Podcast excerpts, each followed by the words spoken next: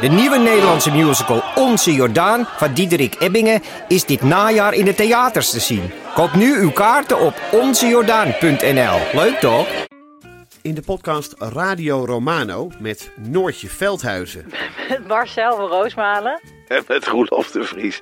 brengen we alle drie elke week een zogenaamde signalering mee. Wat heb jij nou weer bij je? En aan het eind bepalen we wie de winnaar van de week is. Echt een angstcultuur aan het Lege worden. huls die je er bent? Ja, dat gaat eigenlijk altijd onvriendelijk. Luister nu naar Radio Romano bij Podimo. Via podimo.nl slash Radio Romano luister je 30 dagen gratis. Ehm, maar hé, hey, wat staat daar? Kijk, er is een fotoshoot op het dak gaande. Zie je dat? Oh mijn god, ja. Niet zonder enig risico. Nou, ik zie daar wel vaker iemand, maar dit lijkt mij een vrouw Ja, aan het silhouet. ja zij geeft aanwijzingen aan die andere vrouw. Ze fotografeert Oh, ook met een telefoon. oh, die had ik nog niet eens gezien, want die staat in de schaduw van de boom. Ja. Of andersom schaduw, hoe heet dat? In het silhouet. Silhouet. En, want er is ook wel eens, af en toe is er ook een Nu, daar komt hij. jonge man. die, eh, die dan op het dak gaat zitten zonnen. Ja, En eh, eh, Ja. dat vind ik iets heel, dat vind ik iets heel spannends hebben. Dat, ik kan niet zo goed. Het is net ver genoeg weg aan de overkant van het om blok. te denken dat hij knap is. Ja, precies. Ja, je kan Ja. dat niet. eh, je kan dat niet helemaal.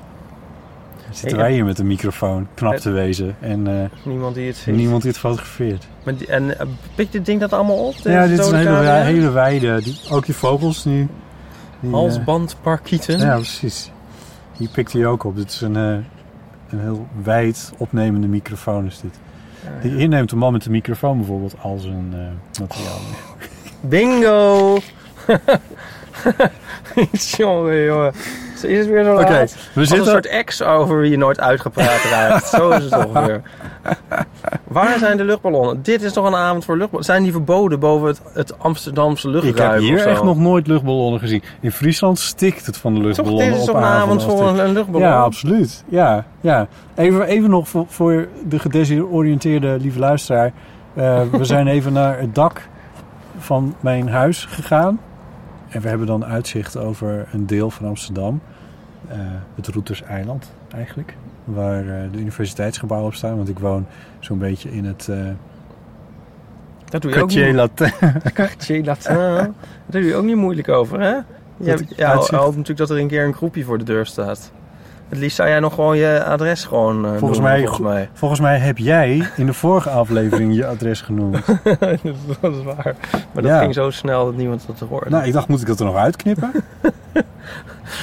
Ja, maar goed, maar ik ben natuurlijk wel wat minder populair dan jij. Dus eh, voor mij is dat minder eh, Ik heb, eh, gevaarlijk. Ik heb echt nog nooit iemand hier aan de deur gehad. En ze kunnen zich, in- in- liefhebbers kunnen zich, moeten zich vooral in eerste instantie even digitaal melden. denk ik dan. eh. Liefhebbers. Ja, Ja. het is niet op het Routerseiland. maar daartegen aan. Ja, nou, toen ik nog Grindr had, Ja. dan was dat wel eens leuk. Het is ook weer een, een romantitel. Toen ik nog Grindr had. Ja, Of meer memoire, een memoire. ja want eh, dan, dan pakte mijn Grinders cirkel, zeg maar. Je kan, je, hoe, ja, hoe ver gaat het? Ja, jouw, jouw Grindr, Bermuda, driehoek des doods. De, hon, de honderd dichtstbijzijnde homo's, wie krijg je eigenlijk? Ik weet het eigenlijk niet precies. Ook nog een soort romantitel. Nou, eh, nee, een non-fictietitel. De 100 dichtstbijzijnde homo's. Ik gooi, ik gooi ze eruit, eh, ja, alsof het niks is. Ehm, maar goed, de honderd dichtstbijzijnde en die vallen dan, en dan valt het route Zo, dat is trouwens beter, sorry. De 100 dichtstbijzijnden. mooi. Oké, sorry. Die, eh, die- maar goed, iedereen weet inmiddels al wel wat ik wil te zeggen. Die te al die studenten. Ja, tenminste Ja. niet allemaal, maar Ja. wel, wel een aantal. En, een, en, een, Ja. en af en toe een, verdwaalde hoogleraar erbij. en, eh, en, en die hotels, die zijn ook wel goed voor grinder. Ja. want hiernaast zit ook een, een Fors hotel. En daar eh, zat ook nog wel eens wat. Ook nog wel eens wat fors.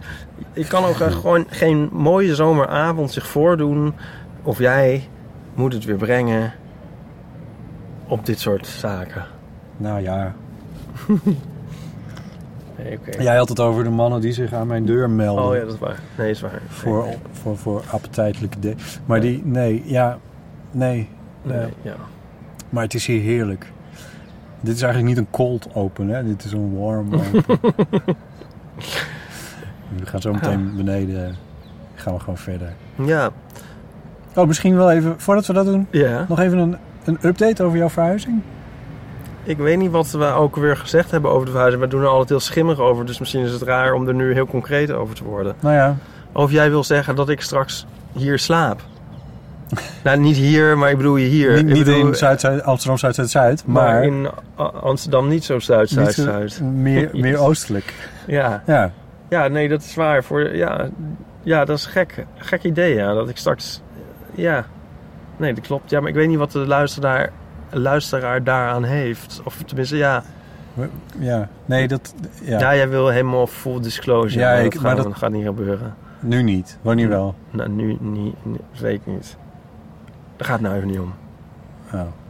Ik heb de rubriek De koffie van Botten weer een nieuw leven in roepen. Is het weer niet te doen? Nou, dan ga ik nu, dan ga ik nu een slot nemen en dan ga ik het dan zeggen. Ja, dat is goed.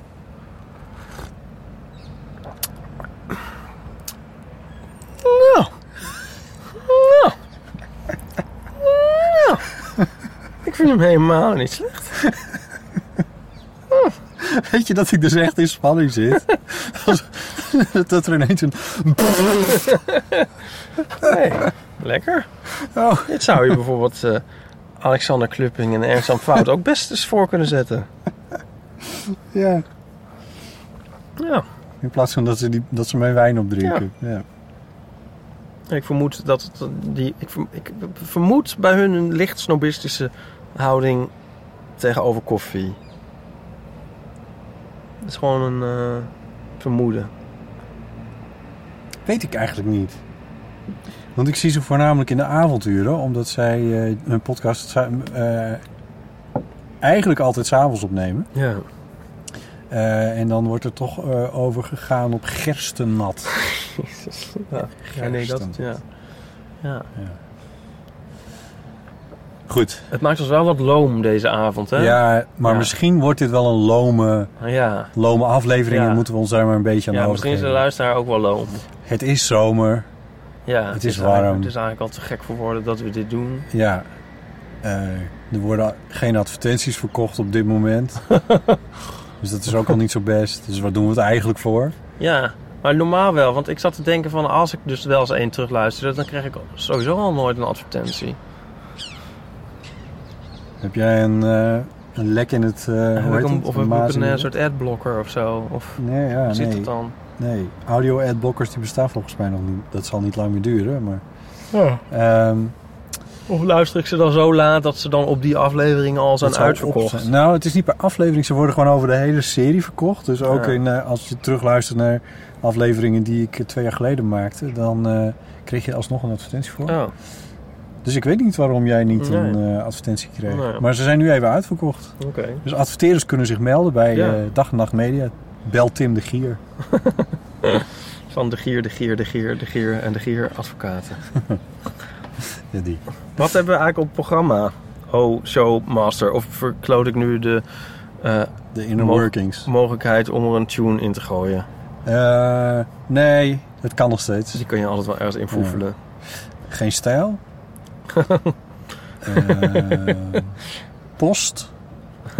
Van... volgens mij hebben we drie, drie posten. Poststukken. Poststukken. We hebben vier eeuwenfoonberichtjes. Zo. Waar- Zo. waaronder eentje van Lieven Heermans. Oh, Ja. ja. En we gaan het misschien, maar dat hangt er een beetje vanaf. Gaan we het ook nog hebben over eh, de Dutch Podcast Award. Ja. Daar hebben we het natuurlijk al een beetje over gehad. Ja, daarom dat moet niet te vaak eh, terugkomen. Nee, maar daar gaan we het ook nog over hebben. Daar gaan we het misschien nog even over Ehm, Nou. Dus dat, dat is wat ik eh, ter tafel, of tenminste ja, wat ons ter tafel werd geworpen eigenlijk. Ja. Eh, verder hebben we, beneden heb ik nog een theezakje.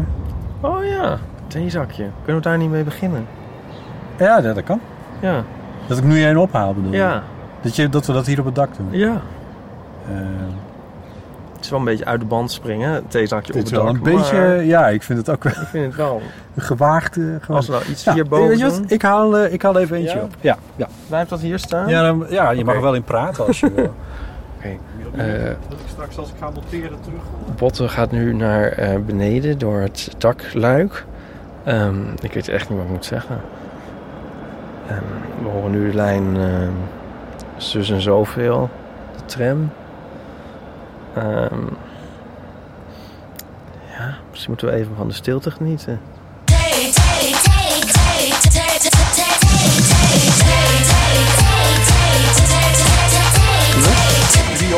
Oh, En dan eh, mag jij er eentje uitkiezen. Zal ik Oh. hem er even vasthouden? ja.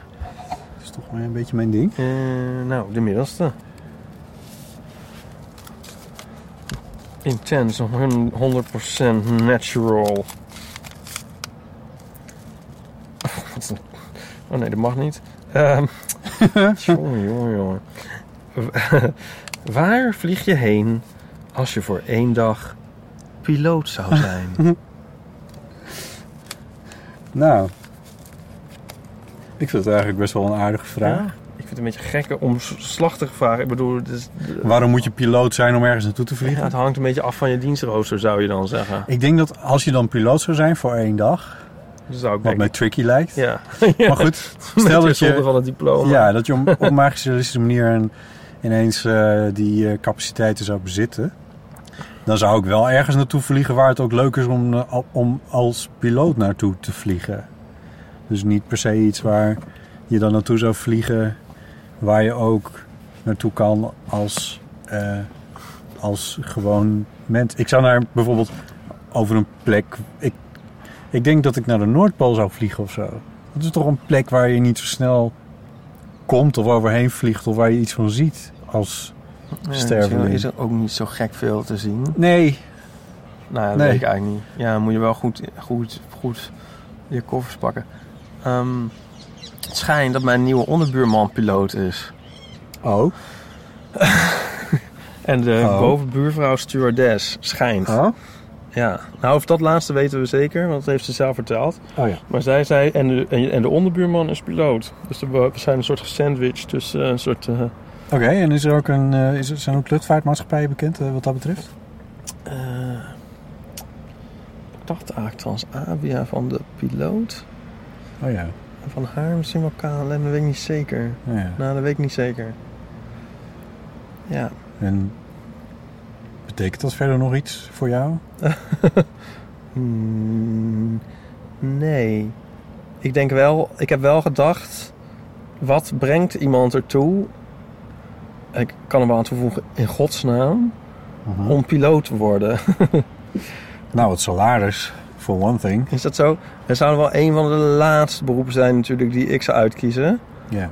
Ehm, mijn oom was overigens piloot.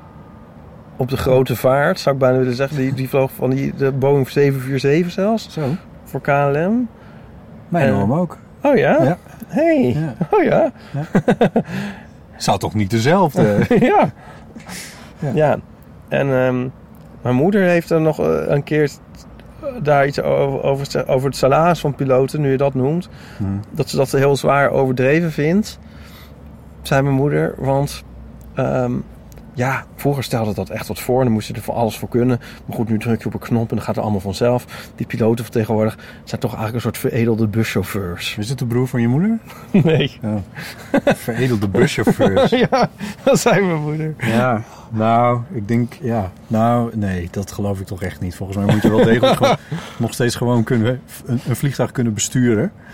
Ik denk dat overigens ook niet. Maar ik vond het wel een grappige uitspraak. Ja. Ja. Ik kan je vertellen, ik heb een keer, ehm, dat is al tien jaar geleden, eh, voor, eh, toen ik voor Afro Radio 1 werkte en wij daar een middagprogramma maakten, heb ik een reportageserie gemaakt. Dat was in de periode dat er een tekort aan piloten dreigde.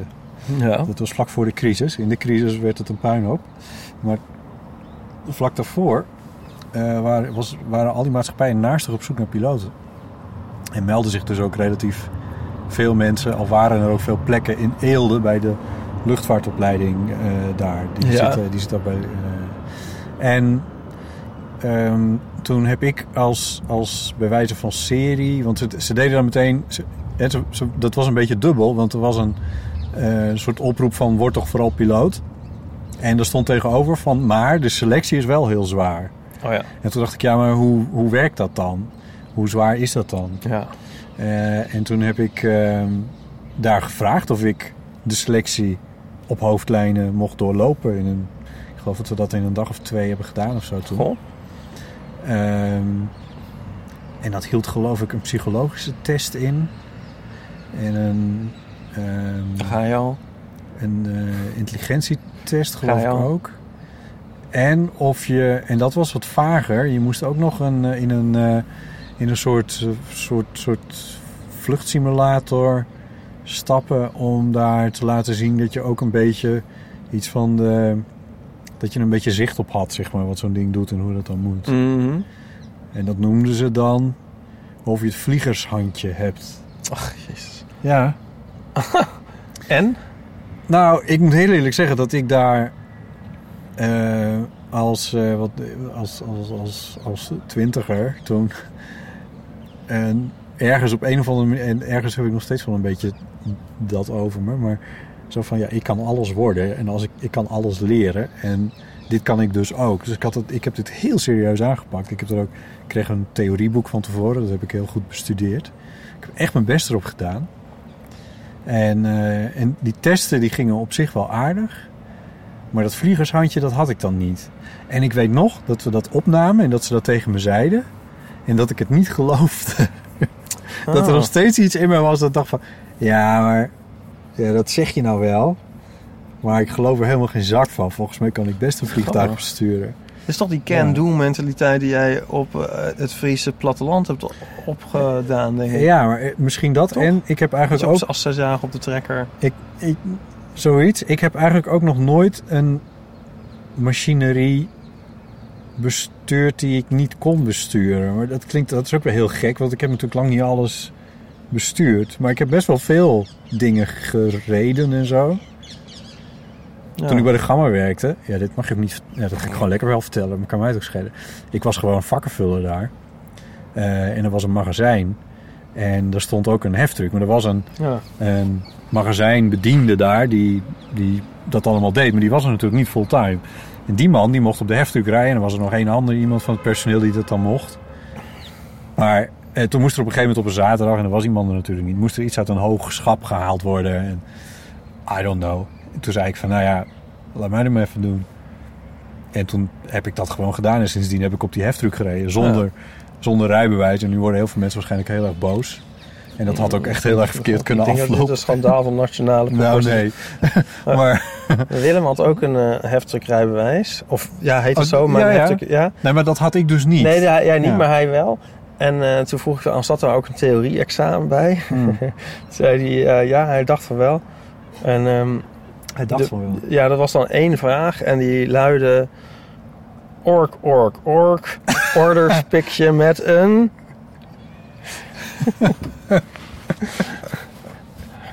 Ja, oh mooi.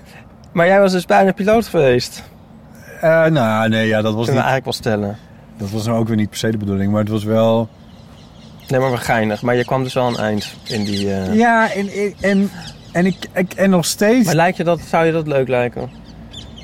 Eh, ja en nee. Ik heb namelijk ook bij, die, bij diezelfde oom, die toen hij nog in de opleiding was, eh, moest hij een aantal vlieguren maken. En dat kon onder andere door af en toe eh, door op een Cessnaatje te vliegen. Dat is zo'n zo'n klein eh, eh, propeller, of één motor Ja. propellervliegtuig. En dat, dat huurde hij dan op Lelystad Airport. En dan nam je wel vrienden mee of familie of wat dan ook maar. En mijn vader had dat al een keer gedaan. En, en toen vroeg ze van, wil jij dat ook, wil je ook, wil je ook een keer mee? En toen ben ik meegegaan. Eh, en toen hebben we een rondje boven Friesland gevlogen en boven waar wij woonden. En dat vond ik wel leuk, maar ik zat achterin. En toen dacht ik, ja, hier wil ik dus niet zitten. Ik wil, wel, ik wil ook sturen. En dat heb ik bij heel veel dingen. Dat heb ik met auto's eigenlijk ook. Ik wil best in een auto zitten, maar ik wil wel sturen. We zijn dan toch echt wel tegenpolen. Jij wil niet sturen, hè? Nee. Ja, dat begrijp ik eerlijk gezegd nog steeds nee niet. hoewel, ehm, als we moeten fietsen, dan fiets ik liever eh, met iemand achterop dan dat ik dan zelf achterop ga. Ja, Gek genoeg. Nou ja, met de, maar oké, ja, maar met, iemand met de fiets achterop is ook wel weer. Dat is dan ook wel is weer- dan mijn ervaring met Nou ja, dat, dat- hoe zeg je dat? Daar is een fiets niet per se heel erg voor gemaakt. Nee. Terwijl, een auto is natuurlijk heel iets anders. Een motorfiets is wat dat betreft ook wel spannend. Maar jij zou ook nooit achter op een motorfiets stappen, bij, bij wie dan ook. Dat zou ik inderdaad mij. nooit doen. Dat zou ik nog Nee. als, als, als, als lieutenant zou vragen... wil je ach, een, een eindje achter op de motor, zou ik dat niet doen. ja, jouw god. Ja. Eh, Oké, ja. ja. Nou ja, met motorrijden had, ging het dus eigenlijk precies zo. Toen was er een vriend van me en die had een, eh die had een motorrijbewijs. en Die kwam met een motor voorrijden en ik zag dat. En toen dacht ik, dat wil ik ook. Oh. En toen heb ik een proefrijles genomen. En, eh en mijn motorrijbewijs Maar voor- in, in, de, in de trailer voor deze aflevering... toen zei je van, eh, dat je overwoog om eh Ja, ding Ja. bij het oud ijzer te zetten. nou ja, verkopen, laten we dat eerst proberen. Maar ja, omdat ik er dus nooit op rij. Ja. Dus dat is dan weer iets anders. Ja, het is, het heeft, ik, ik zou ook best mijn vrachtwagenrijbewijs willen halen, bijvoorbeeld. Maar het is volslagen zinloos. allemaal? hey, oh ja, maar we vergeten eigenlijk een soort heel eh, voor de hand liggend brugje... waar jij al druk op maakt op Twitter. Ehm, namelijk, vliegen is het nieuwe roken. Want dat zeg jij altijd. Ja, en dat vind ik ook. Maar, en wat bedoel je daar dan? Heb jij dit eigenlijk zelf bedacht of haak jij daarbij aan bij een bestaande stroming? Nou, heb het wel zelf bedacht, maar toen dacht ik, dit ligt zo voor de hand. Dit heeft vast al iemand ooit geschreven. Toen heb ik het gegoogeld en toen Oh ja, stond oh ja. het inderdaad al Dat is met alles. Nou ja, Ja. goed. En Wat is je ook vaak- googelt, heeft iemand het ook al een keer in Lego gemaakt. ja, precies. ja, Of geministekt. ja. Ehm, het is eh, eh, Martijn Nijhuis. Ehm, het is een... ehm, ik ben... Wat vind Maar dat, ik, want het, in komt- welke zin? Want het is Nou- van dat moeten we nu maar eens eh, afschaffen of zo. Nou ja, kijk. Want met vliegen doe je natuurlijk wel veel Kijk, meer de is- wereld iets aan dan met roken. Dan doe je meer jezelf iets aan. Zelf is, ja. Of, of je misschien de gemeenschap via ziektekosten. Ja, ja, Ik vind de vergelijking een beetje moeilijk namelijk zelf. Oké, nou ja. Dan, het zijn een paar dingen. Het, het, het begon er met mij mee dat ik, dat ik... Dat in de afgelopen jaren vooral eigenlijk is... eh, vliegen beschikbaar gekomen voor een hele grote groep mensen. Dat is pakken bij 20 jaar geleden begonnen. Toen kwamen de eerste eh, prijsvechters. Ja. En sindsdien vliegen we door heel Europa voor een paar tientjes per vlucht. Eh, daar hebben we ons tien jaar geleden ook al een keer boos over gemaakt. Toen is er vliegtax gekomen. Dat heeft het een half jaar uitgehouden of zo. Want iedereen ging naar Duitsland en ging daar vandaan eh, goedkoop vliegen. En sindsdien, eh, je moet die cijfers, als het je interesseert, er maar eens bijpakken. Hoe Schiphol aan het groeien is en hoeveel vluchten daar vandaan komen. Hoeveel mensen daar overstappen. Dat zijn er 70 miljoen per jaar. Mhm. En dat zijn er wel heel erg veel. Mhm. En aan de ene kant is het natuurlijk zo dat vliegen goedkoper... Ik vliegt een vliegtuigje. Eh, vliegen goedkoper is het ook het bijna eh, beschikbaar maken voor... Kijk, het, het, het, het was voor de, voor de jet- een gaapje. Ah, sorry. Het was voor de jetset. En dat heette zo omdat de rijken gingen in jets vliegen. Ja. En het, die konden, alleen die konden dat, want het was ongelooflijk duur. ja. Nu is dat niet meer zo. Nu kan eh, een veel grotere groep mensen kan op vliegvakantie en doet dat dus ook. Ehm, maar vliegen is zo ongelooflijk milieuvervuilend. En dat geloven heel veel mensen niet. En die beginnen dan berekeningetjes te houden van ja, maar per persoon. En als je dat dan per auto. En als je dit en dat. Mhm. Maar ik heb me daarin verdiept en het is, het is echt stukken en stukken vervuilender. Als je, als je met een eh, eh, eh, met de auto in je eentje naar Zuid-Frankrijk gaat. Dit, is, ja, dit gaat iemand factchecken natuurlijk. Maar, eh, Ligt ook dan, nog aan wat voor auto waarschijnlijk. ligt ook zeker. En hoe je rijdt. Vooral dat. Eh, dan stoot je minder CO2 en andere vervuilende stoffen uit dan wanneer je in een goed. vliegtuig stapt die helemaal volgepakt zit. Dus, maar waarom ik dat dan zeg, vliegen is het nieuwe roken. Roken werd vroeger ook maar gedaan door een heel beperkt aantal mensen. Toen kwam het op televisie, toen werd het een soort cowboy stoerheid. En toen werd het door een hele brede groep mensen, toen ging iedereen roken. En toen zagen we ook de grote gevolgen daarvan, van dat roken, Nou ja. bij de volksgezondheid. Nou, mutatis mutantis, Mutandi. mutandij, zie je dus nu, eh, dat eh, nu we massaal in vliegtuigen stappen, zie je wat voor enorme schade dat vliegen ge- toe aan het brengen is aan, ehm, aan het milieu. Er komt nog één ding bij. Dat is namelijk dat... eh, Het is een soort botisme. Er komt nog één ding bij. ja, one more thing.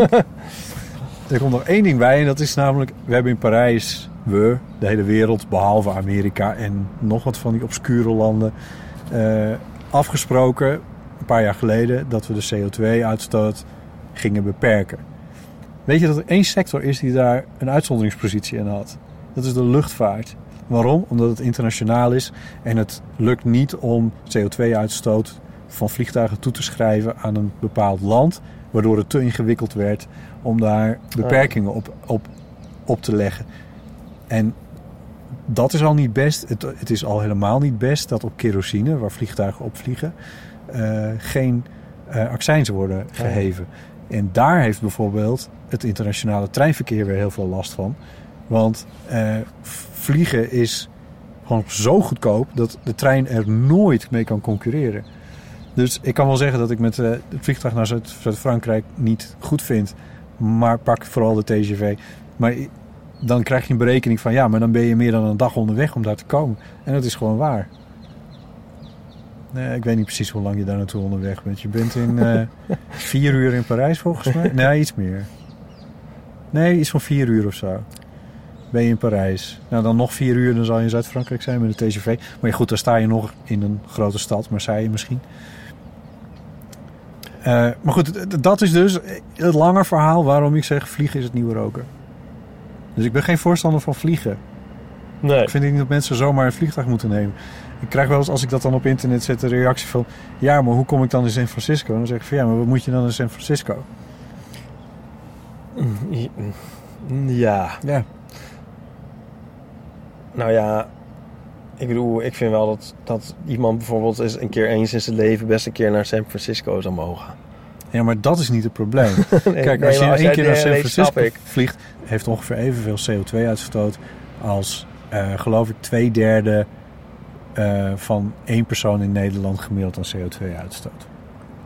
Dus als je, als je één keer in je leven dat doet, naar San Francisco vliegen... dan is er niet zo gek veel aan de hand. Maar het probleem is dat mensen ieder jaar een keer naar San Francisco willen vliegen. Nou ja, sommige mensen. Nou ja, Er zijn natuurlijk upsides hè, aan eh, vliegen. Ik bedoel, het zijn een soort positieve effecten van vliegen. Ik bedoel, je, ook zelfs voor je lol de wereld overgaan... he- geeft je natuurlijk wel een soort horizon en blik op de wereld... die je ook positief kan uitpakken.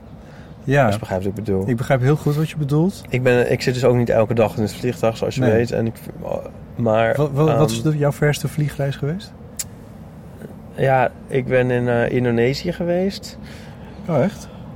Ja, en ehm, dat was ehm, in, het, in, in 99 of 2000. Ehm, en mijn vader is daar geboren en heeft Ja, daar ja. zijn jeugd doorgebracht. En eh, ik vind dat dus in die zin dan ook legitiem om daarheen te gaan, als je Ja. begrijpt wat ik bedoel. Ja.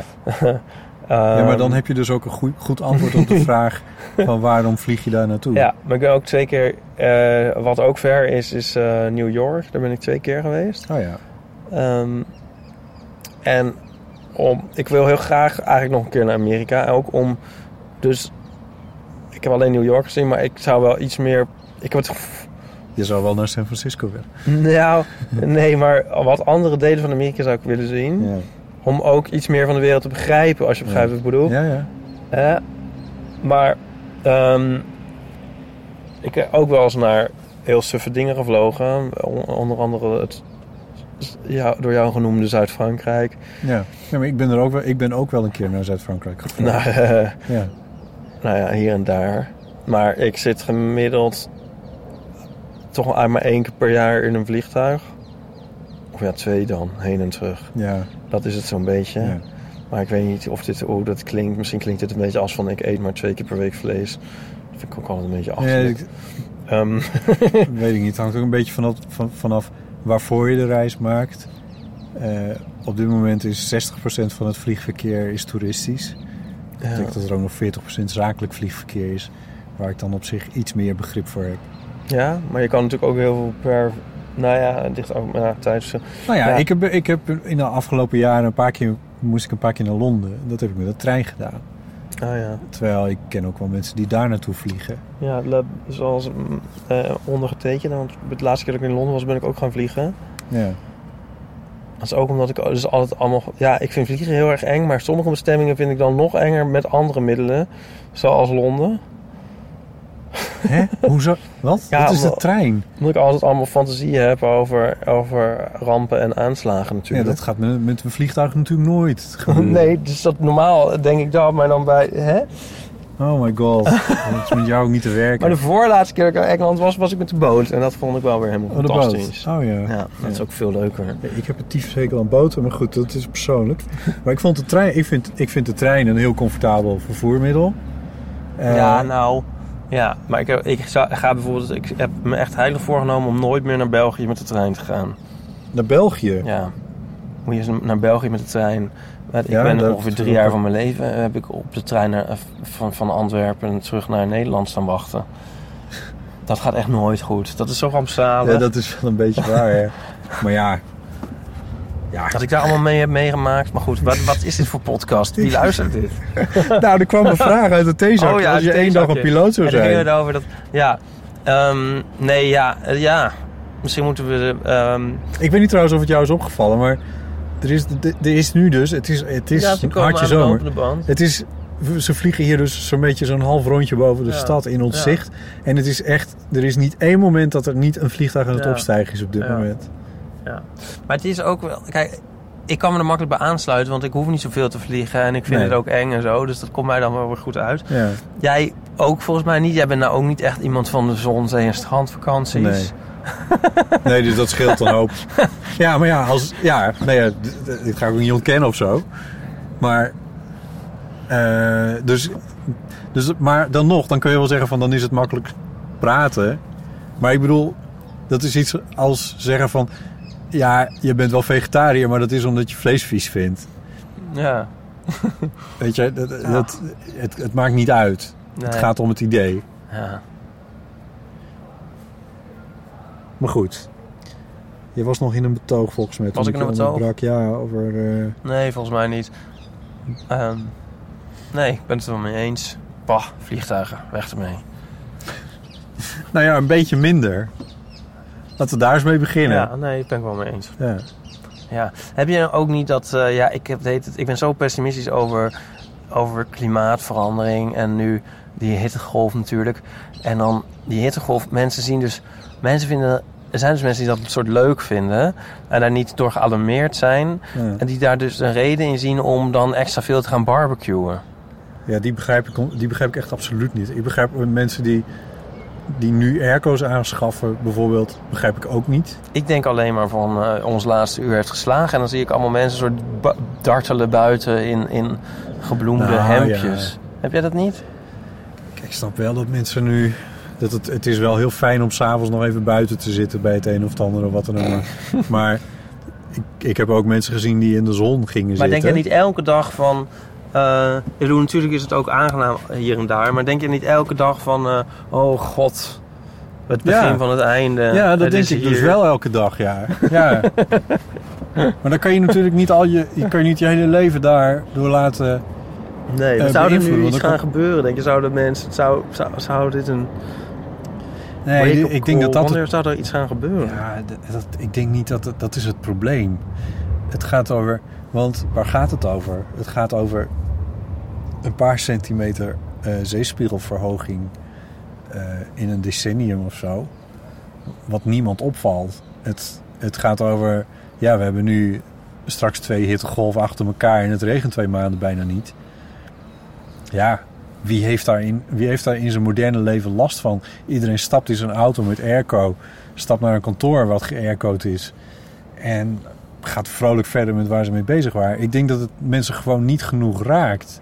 Ik denk dat mensen ook niet in de gaten hebben dat op dit moment is het zo droog dat aardappelen niet goed groeien. En denk van, ja, die moet die boeren, die moeten niet zo zeuren. Nee, dit gaat over voedselvoorziening. Daar gaat dat over. Dat hebben mensen gewoon niet in de gaten. Maar denk je niet veel dat, eh, v- dat echt ernstige gevolgen die mensen wel gaan raken... zich nu veel sneller gaan aandoen dan voorzien? Ehm, dat, het, dat, dat er, dat er een rampspoed, echt een rampspoed komt. Ik denk Ja. dat het gewoon zo... Ik denk dat het heel langzaam gaat. Het gaat allemaal veel te langzaam. Aardappelen worden dit jaar een beetje duurder. Volgend jaar zijn ze nog een beetje duurder. Daarna hebben we weer een goed jaar. En dan zijn ze weer goedkoper. Dan is er niks meer aan de hand. Het jaar daarna zijn ze misschien weer... Dus ik denk dat het heel langzaam... Ik denk dat het te langzaam gaat om één moment eh, te kunnen aanwijzen straks van... Ja, daar ging het mis. Hmm. Dat is net als met dat vliegen. Wanneer ging dat nou mis? Toen het vliegtuig werd uitgevonden? Of toen EasyJet werd opgericht? Nee, Of, maar dat, is iets, dat vind ik toch iets anders. Maar nou ja, maar wijs maar eens het moment aan waarop het misging met het milieu. Want je, nee, ja. ja, was nou, dat de industriële revolutie? Nou, dan zijn we inmiddels twee eeuwen terug. Nee, maar ik bedoel meer dat het een soort existentiële dreiging wordt wat er nu gebeurt. Ja. ja, ik denk dat het voor veel mensen te ver van hun bed is. En ik maak me daar heel grote zorgen over. En, en ik pas mijn leven daar ook wel op aan. Ik probeer toch echt wel een beetje goed te doen voor het milieu.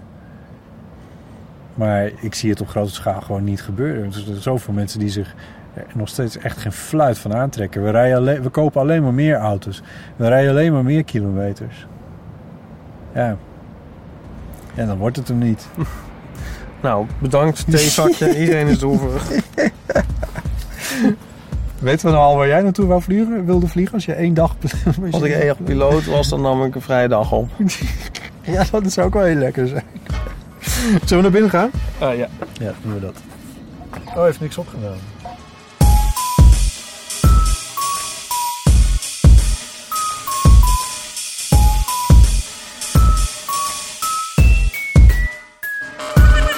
Eh, we moesten even, terwijl we naar beneden liepen, moesten we eventjes, eh, toen bedacht jij ineens dat je even eh, televisie wilde kijken. Wat we letterlijk zes minuten gedaan hebben. Want We moesten even Diederik Broekhuis in de slimste mensen kijken. ja, precies. Ik schrijf even eentje naar je toe, hoor. Gezellig. Gezellig. heel ver weg, Hallo. hoor. Zo. ja, Diederik Broekhuizen, onze grote vriend van de Best Social Media. En heeft hier ook een keer gezeten, heeft hij meegedaan. Die zat in de slimste mens. En daar mogen we nu dan dus wel over praten. Want het is uitgezonden. En dat ging niet goed.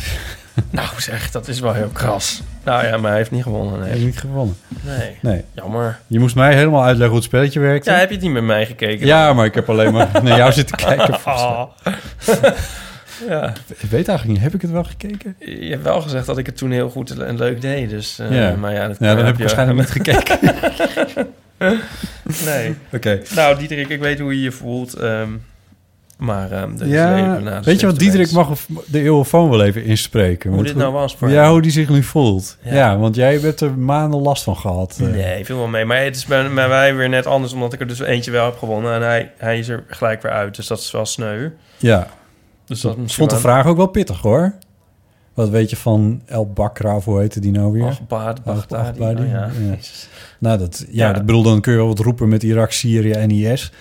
Wat Nou, Lianne dingen Ploemen deed, dan had je dus drie dingen goed gehad. Maar daar haalt het ook wel een beetje mee op wat mij betreft. Ja. En dat waren ook vol volslagen gokken geweest. Nee, ja, het is ook moeilijk, ja. Het is ook hartstikke moeilijk. Ja, Ja, maar we hebben maar een stukje gezien. Ik, weet, ik ga het nog even terugkijken natuurlijk, hoe de rest was. ja, ja precies. Ja. Ja. hey, we stonden op geen stijl. Oh ja, Tenminste, ja. Stonden op geen stijl. Wel een soortement.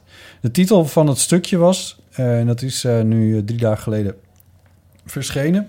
eh Turbo Jankers zuchten onder micro-coming-out. Zal ik het voorlezen? Eh, ja. Pride, mooi man. Lekker vieren dat je overal in landen waar je geen vrije westen hebt, geen leven hebt met homo, maar hier lekker wel. Maar is zo'n feestje een reden voor een feest? Nee, natuurlijk niet. Dit klopt overigens niet. Ja? Nou, Ja? waarom zou je met... Je viert natuurlijk niet met Pride dat je geen leven hebt met homo in landen waar je geen vrije west hebt. Maar dit is zijde. Ja.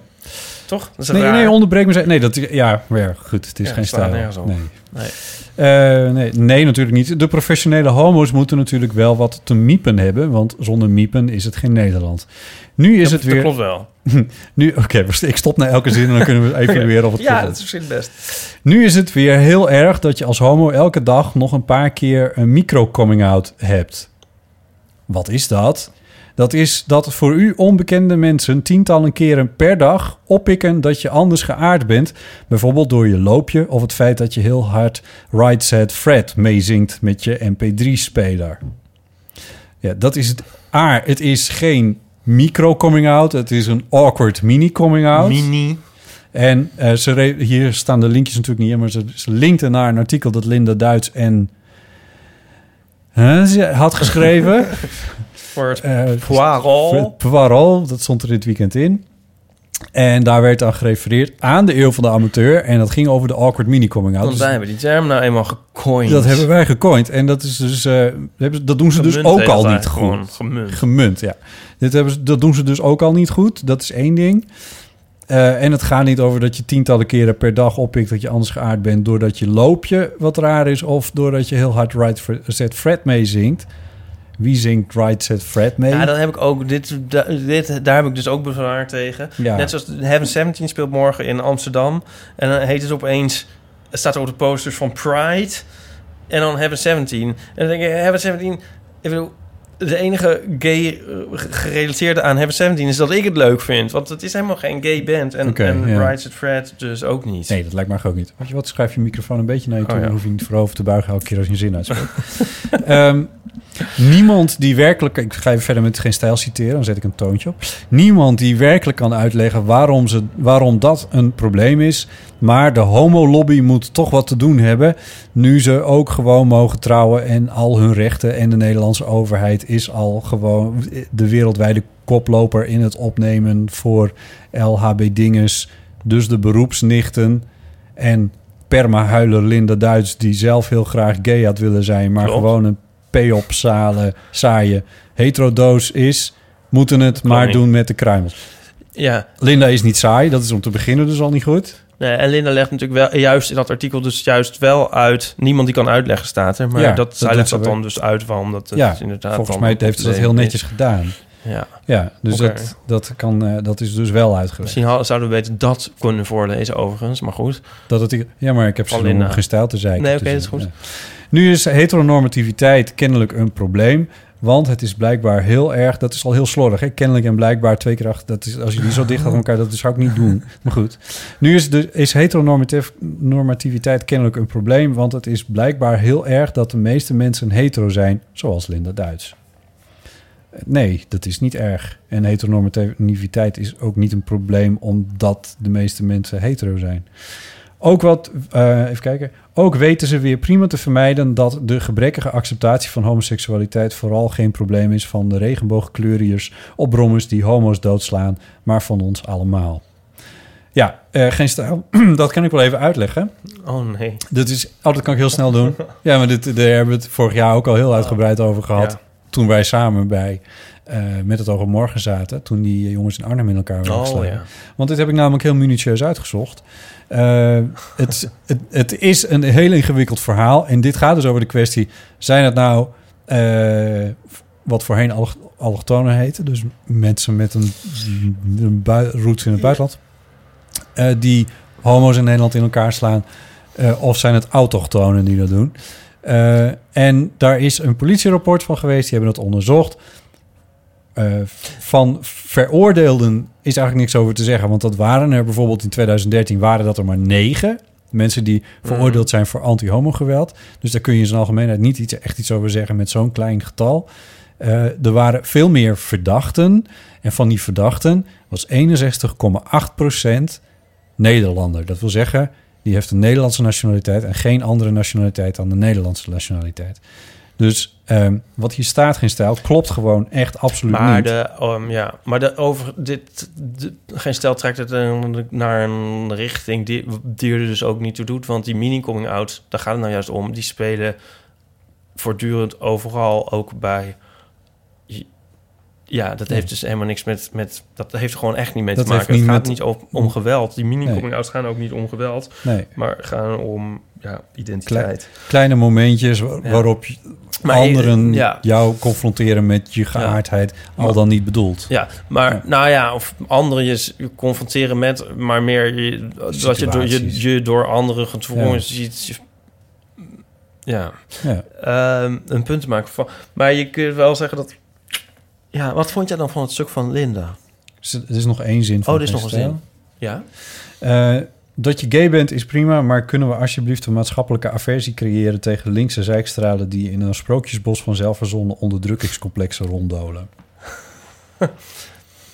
Ik vraag me wel af hoe hun stijlboek eruit ziet. Hun geen Kijk, je stijlboek. leest deze woorden echt voortdurend en steeds. Ze hebben een soort eigen lingo gecreëerd. Ja, het is, het, waarin je bijna niet meer... Het is een soort, met een soort cadans waarbij je bijna niet meer ziet... Waar het nou is- eigenlijk over ja. gaat. Ik weet ook niet wat die laatste zin, wat ze daar nou mee bedoelen. Ik snap het niet helemaal. Want alles betekent daar weer tegenovergestelde van wat er eigenlijk staat.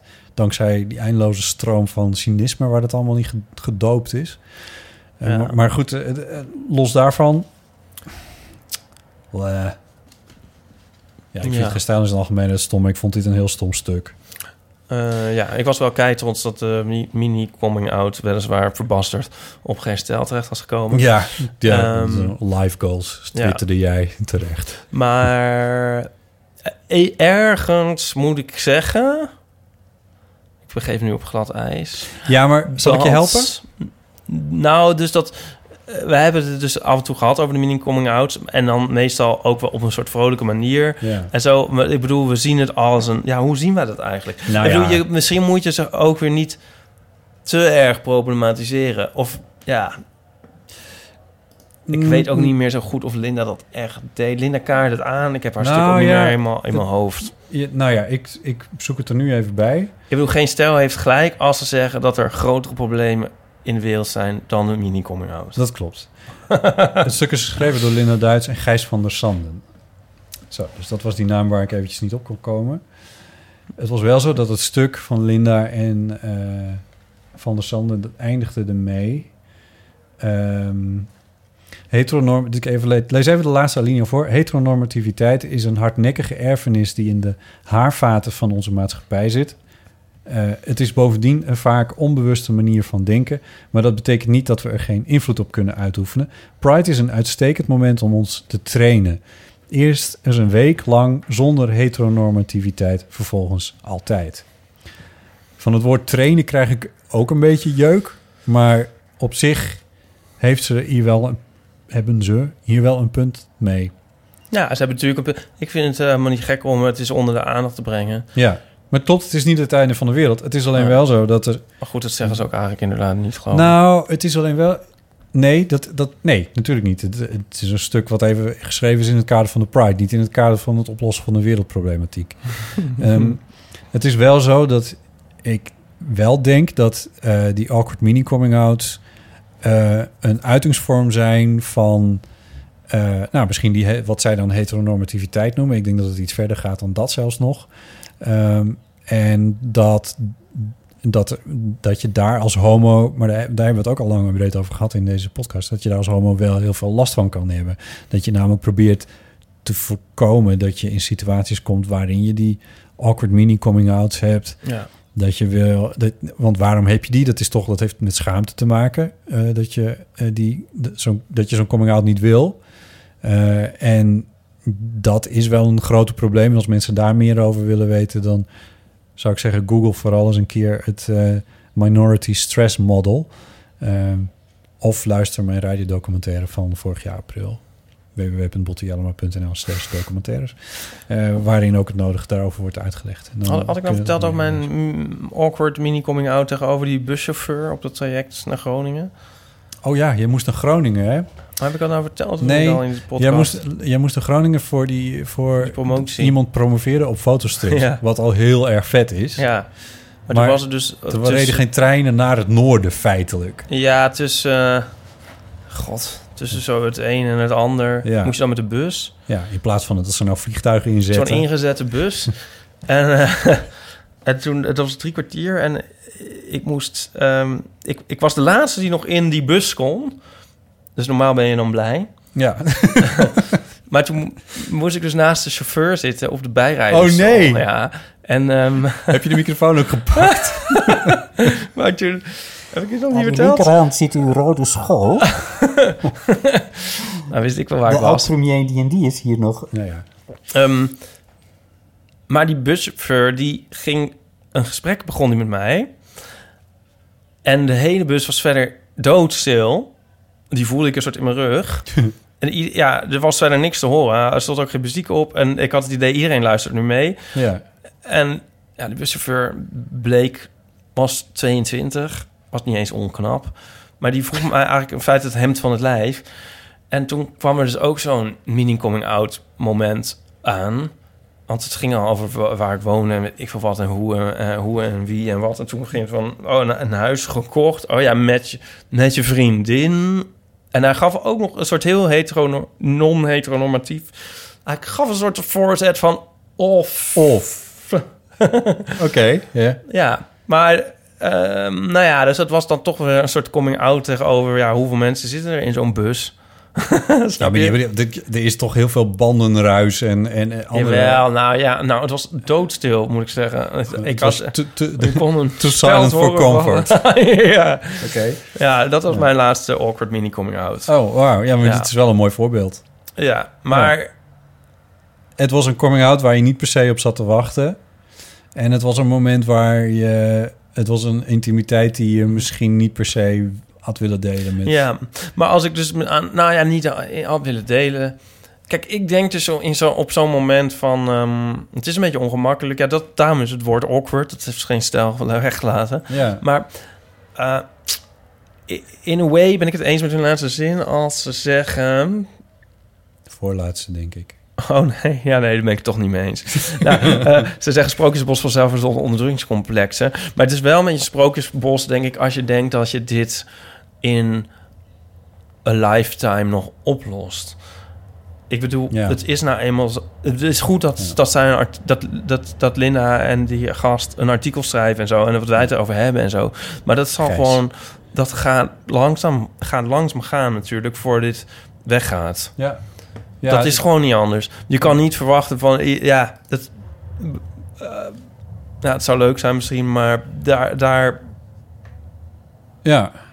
Ja, daar zitten we toch wel een beetje aan vast. En ik denk een beetje met elke awkward mini coming out... ehm, breng je de oplossing misschien dichterbij. Ja, Doordat, misschien wel. Hè, mensen eraan wennen. En ik en denk eh, ook- volgende generatie zal het wel eh, minder hebben. En dat gaat dan wel voorbij. En Ja. ik denk dat er niet heel veel andere opties zijn. Ja, mensen een beetje bewust maken. Ja. Nou ja, en Ja, geen stijl mag wel wat roepen dan. En, ja, nou, wat ik, wat, maar zo. ja, nou, wat ik dus vervelend af vind, is dat ik vind dat Linda en Gijs dus wel degelijk een punt hebben. eh, al was het maar omdat ze ons citeren. Maar eh, wat ik zelf dus altijd, of altijd, maar op elke, elk moment waar ik in de gelegenheid ben om hier iets over te zeggen, dan zeg ik altijd van laten we in vredesnaam proberen om onszelf en anderen die we hierop betrappen te corrigeren als ze homo of gay gebruiken als scheldwoord. Ja. Op schoolpleinen, Ja. eh, op voetbalvelden, maar Ja. ook gewoon in de kroeg met vrienden. Ja, maar geen stijlgebruik bijna hetero als geld wordt door, door Linda dat zo aan te wrijven dat ze hetero is. Een poep, saaie hetero. Ja, ja. Ook wel weer grappig, wel weer geëmancipeerd van geen stijl. Ja, maar ze is niet, ze is niet poepsaai. Nee. Dus ze zal ook wel niet hetero zijn. Maar je kunt ook zeggen dat door geen, dat geen stijl dit oppikt, eh, dat artikel wel een langere adem geven en het langer in aandacht blijft. En ehm, misschien onbewust hun lezers wel Nou. eh, op een manier in, in- beïnvloedt Ja. die ze helemaal niet voor ogen hebben. Er staan heel veel reacties onder dat stuk. En dat zeg ik zonder voorkennis van hoeveel reacties er nou eigenlijk onder andere stukken van geen stijl staan. Maar in dit geval, even kijken, 226. Oh ja, Ik weet niet of dat heel veel zijn, maar ik zie ook echt blokken en blokken tekst. Jezus. Er zijn hier mensen die hier hele essays hebben geschreven. Ja, ja. En ik heb lang niet alles gelezen, want dan, dat gaat gewoon niet. Maar eh, en, en de, de, de standaard geen stijlreacties staan er ook weer tussen. Maar er staan ook mensen tussen die zeggen van nou, geen stijl, sorry. Ik had ook Ben het in, gezien. in Ja. veel gevallen ben ik het met jullie eens, maar in dit geval Ja. toch echt niet. Ja, dat is grappig. En dat, eh, dat viel me eerlijk gezegd heel erg mee. Ja, ja. Er, staan ook weer, er staat ook een heel essay tussen van iemand die schrijft van... ja, in die homo's die op die boten moeten staan en al die dingen. ik van ja, hallo, die discussie hebben we toch wel een keer gehad. Dat is wel een keertje klaar. Ehm, eh, dus die vindt, dat, die vindt dat dan weer helemaal niks. Maar alleen al dat iemand de, de moeite neemt om hier... Moet je kijken hoe groot Ja. dit is. Echt een een waanzinnige... traktaat. Ja, het, ja, precies. Onderschreven met stijloze homo. Op zijn geel stijls geschreven. Dus ik denk, verzet dan ook gewoon je eigen naam eronder. Als je zo'n zo'n stuk schrijft. Maar goed, ehm, het- het- er staat een hoop poep tussen, maar er, er staan ook wel weer dingen tussen die... eh, dus eh, misschien heb je wel een punt dat er ook wel weer... Ga je het nou allemaal lezen? Ja. Ja, doe me niet. Doe maar even lekker thuis. ja. ja, nee, dus ehm, ik heb Linda ook van harte gefeliciteerd met... eh, ja, toch? Kan niet beter. Intussen het blokker van allemaal geen stijlvolgers op Twitter... had zij tijd om jouw felicitaties in ontvangst te nemen. Oké, oké. Nou, superleuk. Laten we volg- verder gaan met het volgende. Wij hebben op geen stijl gestaan. 06 1990 68 71. Het- blijft toch een, eh, een feestje, hè? Een warm bad. een warm bad. Een, war- Ehm, een warm bad is het nieuwe vliegen. Zullen we meteen over roze dingen gaan hebben? Dan Ja. luisteren we even naar Richard. Hoi, dit is eh, Richard.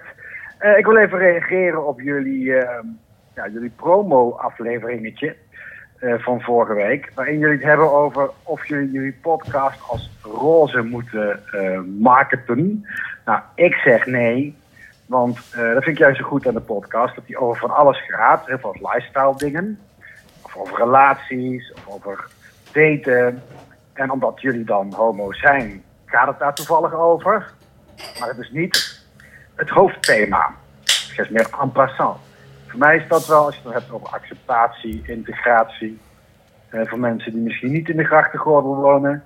eh, vind ik dat een veel betere manier om het, zeg maar, terloops ergens in te fietsen. Dus dat doe ik in het dagelijkse werk ook.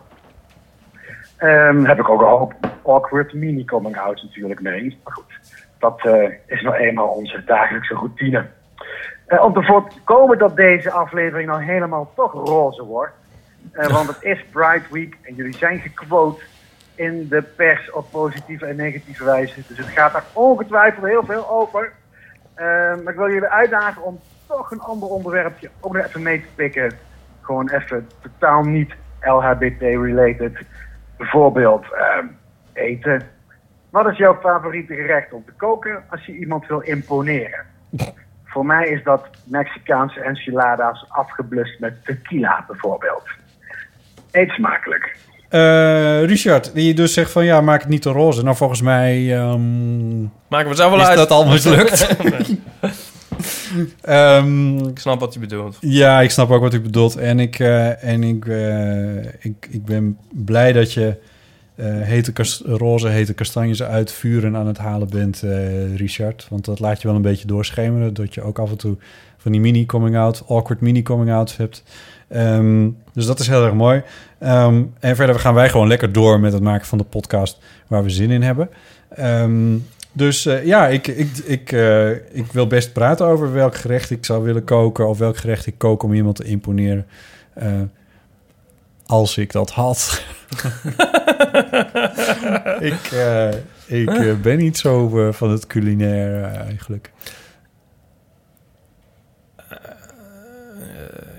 Wat kook jij als je... Weet ik veel, als je Nico wil belonen of... Oh, dat is grappig. Ik denk weer iets heel vreselijks. En ik ben hier al eens een keer heel hard op uitgelachen eigenlijk door Paulien. Omdat ik meteen weer denk aan de soort de datingfase. En dus helemaal niet denk aan dat je ook nog wel eens iemand zou kunnen willen imponeren... die dan al... eh, Waar je al jaren... dan is het gewoon uh, diepvriespizza. ja, dus, dus de- heel stom. Ja, net als met toen ging het over romantiek. Want eh, ja, bij mij gaat, ik denk dus wel dat ja, bij mij gaat liefde niet echt door de maag. Dus Belangrijker is of het bij je vriendje zo ja, ook niet echt. Eh, nee, ik, ik zit Ja, toch heel erg in die datingfase te denken. Ik zou dus alles volgens het boekje. Ik ben heel erg voor romantiek volgens het boekje. Want dat, dat vind ik. Dat is mijn definitie bijna van romantiek. Dat je dus dan allemaal. Clichés doet. Ja. En dus uiteten. Nou, of het dan heel goed verzorgd. Maar dan met. En dan kaarslicht en een heel goede wijn. En dan. En dan eh, iets van gangen of zo. En dan ook nog dit en ook nog dat. Heb je dat wel eens gedaan? Ehm, ja. Oh. Ja. Ik heb ook nog eens een keer iemand voorgeschreven om dat te doen voor mij. Ehm, en dan goede muziek en zo. En dan eh, helemaal... Voor jou, en dan bedoel je dat, dat, dat iemand anders jou moest imponeren met zijn kookkunsten. Ja, ik zou daar gaan eten. En toen zei hij, ja, oh ja, maar wat moet ik dan eigenlijk doen? Toen heb jij het... eh, eh, hier heb je het boekje. ja, maar... ehm, nee, ja, eten, ja, nee. Ik heb wel een lievelingsgerecht om te maken. Wat ik altijd voor mezelf maak. Is spaghetti aglio olio. Oh ja. Dat is een spaghetti met alleen maar knoflook en rode peper. En, Oh, Jesus. En olijfolie. Oh, wauw. Zit daar geen groente bij verder? Ja, de, meestal maak ik dan een salade Oh, zo. en een vegetarische schnitzel. Maar die spaghetti is het lekkerst. Dat kan ook gewoon zo. Oh ja. Oh, wauw. Ja, nee, Maar ik denk niet dat iemand daarvan onder de indruk zou raken. ja, ik had wel een... Ik had, had, zeg ik al, een paar gerechten die ik dan wel aardig kon maken. En die ik dan ook nog wel eens maakte. Wat was het dan ook? Een, eh, een soort Italiaans... ehm, eh, oh, wat was het nou? Wat suf, hè? Dat ik dat dus ook nog vergeet. Maar het was iets... Het was wel heel lekker. Maar het was allemaal vlees. Oh ja. Ja. En daar ben ik toch een beetje mee opgehouden. Ik ben er niet helemaal mee opgehouden, maar ik ben er wel een beetje mee opgehouden. Zo heb ik vandaag bijvoorbeeld weer vlees gegeten. Maar ik ben er wel een beetje mee opgehouden. Maar en, en I don't know. Om, iemand in, om indruk op iemand te maken zou ik nu misschien niet zo snel meer een vleesgerecht kiezen. Dat is ook nog een keer zoiets. Eh, ja, ik, ga, dus maak, ik verbind de dingen. Nico vindt dus dat hij awkward mini coming out heeft als vegetariër. Ehm, Nou, nu niet meer hoor. nou, Ja? let op. Het voorbeeld is... En, want we zijn dus als, in restaurants gebeurt het vaak dat ze zeggen... eh, ja, we hebben ook nog een paar dingen buiten de kaart. Eh, we hebben bijvoorbeeld een eh, op het karkas gebraden duif. En zo. En dan wordt er van alles afgerateld. Van, en dan weet je wel. En eh, een doodgeschoten hert. En dit en dat. En dan zitten we een soort minzaam van. mm, mm, mm, mm. Maar wij zijn... Nou ja, en Ja. meestal denk je dan van... Oké, laat maar even ratelen. Ja. Maar soms gaat het uren door. De jachtpaté. Ja. En eh, dus Allemaal tegenwoordig... dingen die jullie vreselijk vinden en ook helemaal niet willen Nee, horen. dus tegenwoordig grijp ik dan meestal in, omdat Ja. ik weet dat Nico dan ik Nico helemaal verschieten. Ja, maar dat en zeg ik van, terecht. oh ja, nee, we zijn vegetariër. Oh ja, en dus dan houden ze op. Maar dat is dus dan een awkward mini coming Ja. out als vegetariër. Oké, ja. Ik weet je? niet of ik dat helemaal een awkward coming out vind. Want dan, want ik, ik, want dan zou je de, ik vind dat bij awkward mini coming out hoort schaamte. En ik weet niet of dat bij jullie nou. Nou, het is wel, je doorbreekt dus wel. Kijk, als je in een heel duur restaurant of zo, ik weet niet, als je in een chicere, het kan wel een soort doorbreking van het protocol zijn, waarbij je het gevoel krijgt dat je toch een soort afwijkt van de norm. Ja, ja, ja. Nou, niet geen stijl, nou niet gaan schrijven van waar maak je druk om. Ik weet dat er erge dingen op de wereld zijn, maar het kan een soort ongemakkelijk zijn dat je denkt, oh, oh, oh, stop, Ja. Niet Ja, voor ja, ons. ja. Je zou natuurlijk, het zou natuurlijk moeten zijn, want sowieso bij die, Ja. bij die coming out als, als gay zit het ook bij jezelf in feite. Ja. Zo kunnen ze moeten eigenlijk zeggen van, ja, met mijn vriend en zo. En dat de hele bus, dat je denkt, nou, dat zal de bus leuk vinden. Dus het is ook bij jezelf, maar dat, Nou ja. dat kan Ik, ik heb dus soms ook, want nu ga ik weer de brugje weer ervan af. De financiële awkward mini coming out. ja. Ah, maar dat ga ik hier niet doen. Maar Dat je stiekem heel rijk bent. zoiets. Ja. Ik zit nog even met Je kan eten. overal kan je Ik zit nog even met eten. comi- coming out over Ja. Maar dit is hij. Wat ik dus heel gek vind aan restaurants... eh, en dat, dat geldt dus ook voor... eh, of met name eigenlijk voor vegetariërs... en eh, voor wat je net ook zei. Ik vind het dus heel gek dat er niet eerst gevraagd wordt van... is er, is er iets wat u niet, niet eet, bijvoorbeeld? Of iets wat... wat- Als ze die gerechten gaan op, opratelen. Ja, daar wordt maar vanuit gegaan dat iedereen alles maar lekker... dat is car, de- carni ik heb bijvoorbeeld- normativiteit. Ik, koriander is zeep. Ehm, en ik wil dat niet in mijn eten Ja, hebben. misschien kun je beter weer in Friesland gaan wonen. En er is een periode geweest, ik geloof, ik weet niet of het al is afgelopen, maar er is een periode geweest, in de afgelopen tien jaar werd overal koriander in gestopt. Dus voor mij smaakte vrijwel alles naar zeep. En dus ik moest overal vragen van, zit daar koriander in? Ik, ik vind dat, het is toch niet iets geks, want er is, er is echt gewoon ook onderzoek naar gedaan en een x procent van de mensen heeft nou eenmaal een soort smaakpapil waardoor koriander naar zeep smaakt. Maar dat is, dat is dan koriander. Je hebt ook mensen die, eh, die een, eh, een, een, een, hoe heet dat, melkallergie, eh, lactose, lactose intolerant zijn, die, met die, die daarmee zitten. Je hebt mensen die vegetariër zijn. Je hebt mensen die Maar wat iets anders dan dat ze doen in een restaurant? Dat- ze er maar gevoeglijk van uitgaan dat iedereen alles eet. Je kan ook een notenallergie. Nou, ik, maar er ik- staat toch ik juist altijd keer... tot uit een treuren staat er zo op menukaarten. Heeft u een allergie? Meld het ons. En dan zeg ik altijd van, nou, ik ben allergisch voor katten. Ja. Ja. Nee, maar ik bedoel, ze, ze houden daar toch wel rekening mee? Nou, en er staan er allemaal, dat- en je hebt juist allemaal van die kaarten en er staan zo honderd symbooltjes. En dan moet je zo in de legenda kijken van, oh, noten en, eh, dit en dat en gluten en zo. Is dat zo? Ja, Ja. ik kom dus niet zoveel meer in restaurants. ik vind het echt, ik vind het zulke verschrikkelijke plekken. Nou, dit gebeurt. de- ik denk dat dit gebeurt. Maar koriander is denk ik iets wat je dan... Ja, ze gaan niet vragen, houdt u van koriander? Er is natuurlijk ook geen begin aan. Nee, maar je kan toch iets aan... Je, maar dat, dit is toch niet... Dit is, ik bedoel... eh, God, wat is een vergelijking? Maar in een goed restaurant kun je dus natuurlijk wel dingen Je gaat, aangeven. je gaat een auto huren. Ja. Dan, dan gooien ze toch ook niet alles op je? Wat, gaat, wat wilt u doen? Wat gaat u verhuizen? Oké, nou dan moet u maar naar de busjes kijken. Ik, ik, ik, weet niet, Maar je hebt toch ook een indeling in voorgerechten? Eh, Ja, nou ja, ik weet ook niet wat het... En nu heb ik ook nog gezegd dat ik een hekel heb aan restaurants.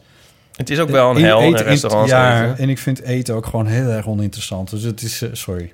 Heb je die grappige tweet van Joost Lubach eh, gelezen? Nee?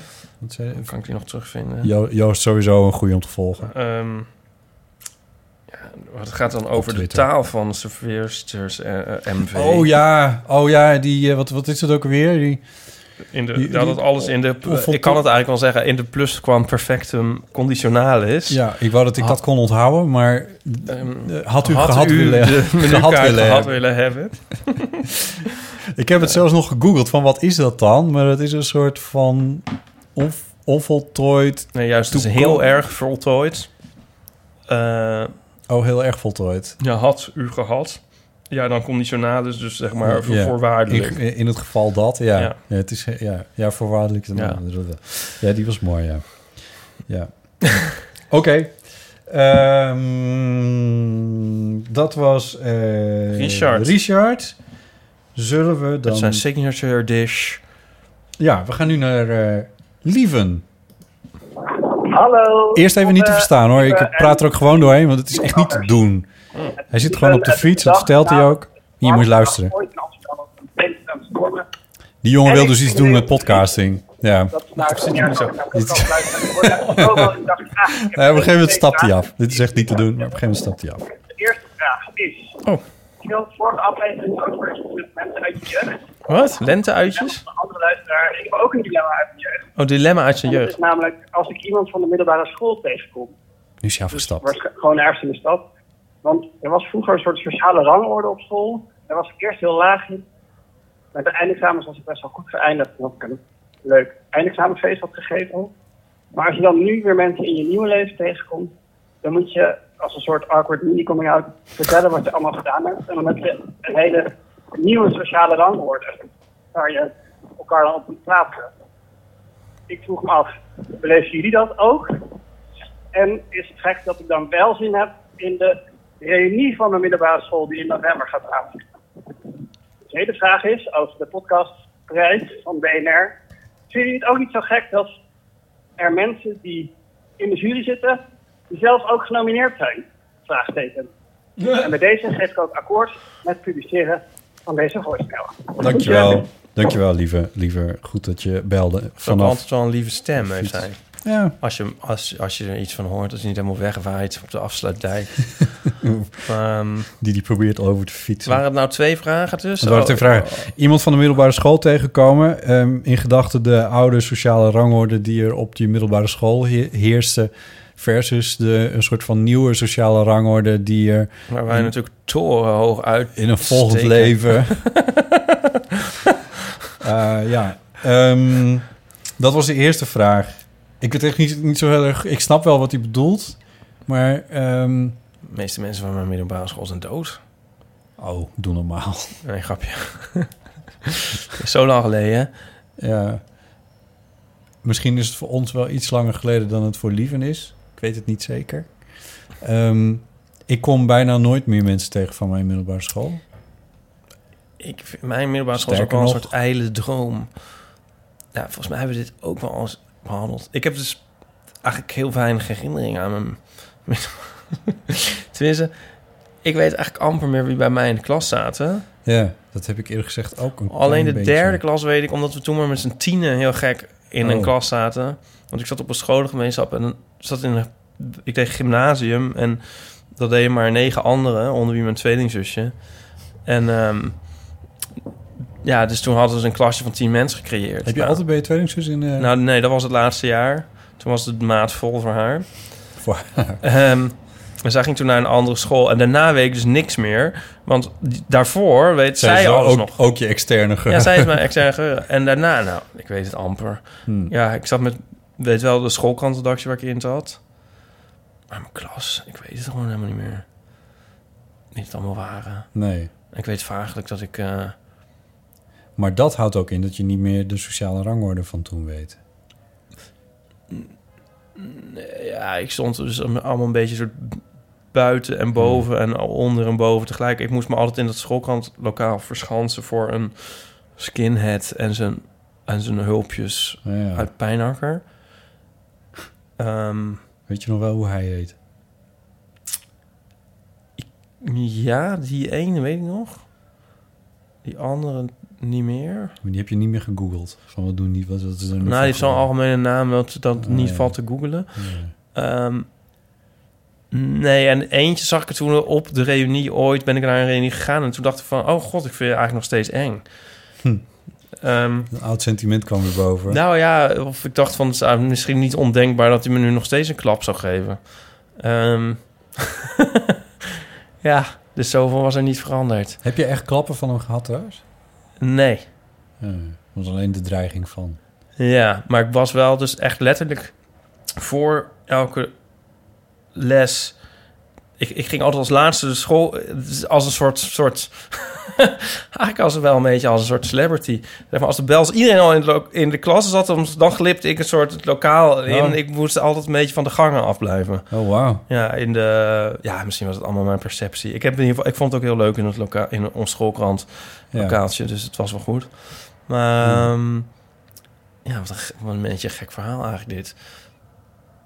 Weet ik niet. Ja, weet ik ook niet. Nou ja, dus ehm, dat, we, dat is, dat is voor, voornaamst wat ik me herinner. Ja. Het was wel een leuke tijd hoor, mijn school. Ja. Mijn middelbare school eigenlijk. Ja, gelukkig. Maar ook een beetje moeilijke. Het was een beetje van alles. Een beetje mixed bag. Ja. Ja. Ik denk dat... eh, ik heb één keer een reunie meegemaakt, maar dat was niet van mijn middelbare school, maar van mijn lagere school, de basisschool. Ehm, en dat was inderdaad vreemd en raar. En ik wist me daar ook niet echt een houding te geven. Ehm, qua... nee, want ja... Nee, ik, ik, ik was, een, was bijvoorbeeld mijn, wat toen mijn, eh, een van mijn beste maatjes was, was eh, directeur geworden van een, een hele cluster aan basisscholen in de Zuidwesthoek van Friesland. En dat is heel gek om je dan ineens hem, die je eigenlijk alleen nog kent als, als, als jochie, Ja. eh, voor te stellen als directeur van, van een hele reeks scholen. Dat, Ja. dat ging er gewoon, dat, dat, dat procesje niet eventjes in, in, in het tijdsbestek van een, van een reunie. Dus dat, ik weet niet, ja, ik weet niet, waar, ik zou me er niet veel van aantrekken. Het, is- het is iets heel geks. Reunies zijn, iets, zijn hele gekke dingen. Ja. Wil je er nog iets over zeggen? Of, eh, Nou. Nee. Oké, want hij had nog een tweede vraag, lieve. Namelijk eh, Mhm. of we het ook gek vinden dat in de jury van de eh, Podcast Awards ook mensen zitten die, eh, die tevens genomineerd zijn. Maar wie zit er eigenlijk niet in de jury, joh? Wat een lijst. Nou, zal ik het even voorlezen wie erin zitten? Ja, dat is... Ja. Eh, Wilbert Mutsaars, die is van Spotify. Dat is de juryvoorzitter. Die ken ik niet.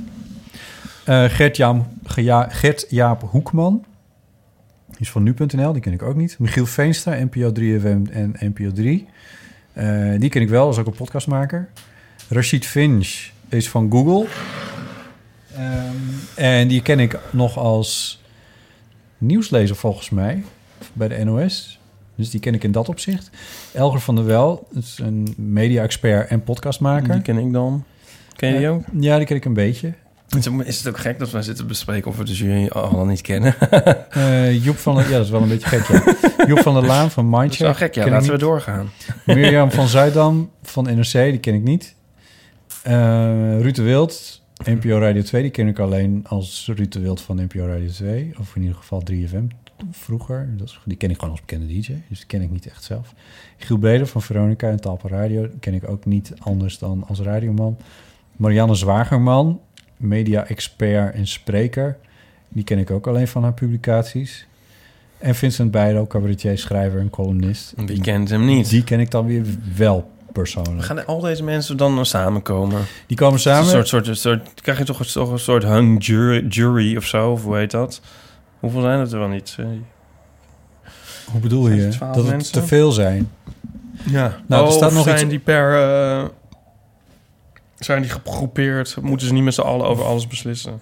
Oké, zal ik het even voorlezen? Alle grote stakeholders uit media, reclame, tech, commercie, commercie en de podcastindustrie nemen zitting in de jury van de eerste Dutch Podcast Awards. Dus de vakjury bestaat uit de volgende experts. Nou, dat hebben we net voorgelezen. De stem van de vakjury telt mee in de einduitslag.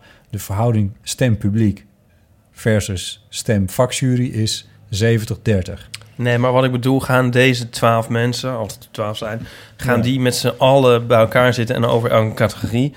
Of, of gaan er vier, Dat- zeg maar, over de ene categorie en vier over de andere en, en zo? Dat vertelt het verhaal niet. En eh, gaan ze dit dan ook, dit wat wij nu zeggen, horen? Want het is wel echt ongelooflijk saai lijkt En- dit voor een jurylid. Als je dan toch al... En dan, moet je dan, en, dan moeten ze hier ook weer over oordelen. En zo is- eindigen we alsnog weer in een tollende bal van vuur. Ja, nee, ik, eh, nee dat, dat weet ik niet. Ik, eh, ik kan me niet voorstellen dat Giel Belen hier naar luistert. Maar eh, van Nee. harte welkom hoor. ja, zo is het ook. Ja, maar de vakjury is... De stem van de vakjury is dus maar 30%. De rest komt neer op... de als stem hij niet de- luistert, zouden we kunnen zeggen wat we eigenlijk van Giel Belen vinden. Ja, maar even kijken, want dat is dan 30%. En er zijn drie, zes... Er zijn eh elf. Oh, oké. elf eh, juryleden. Dus dat is per jurylid bepalen ze iets minder dan 3%. Oh ja. Ja, maar je... Dus Ja, maar wie Ja. heeft de grootste bek in, de, in dit gezelschap? Marianne Zwageman. Oh. I don't know. Nee.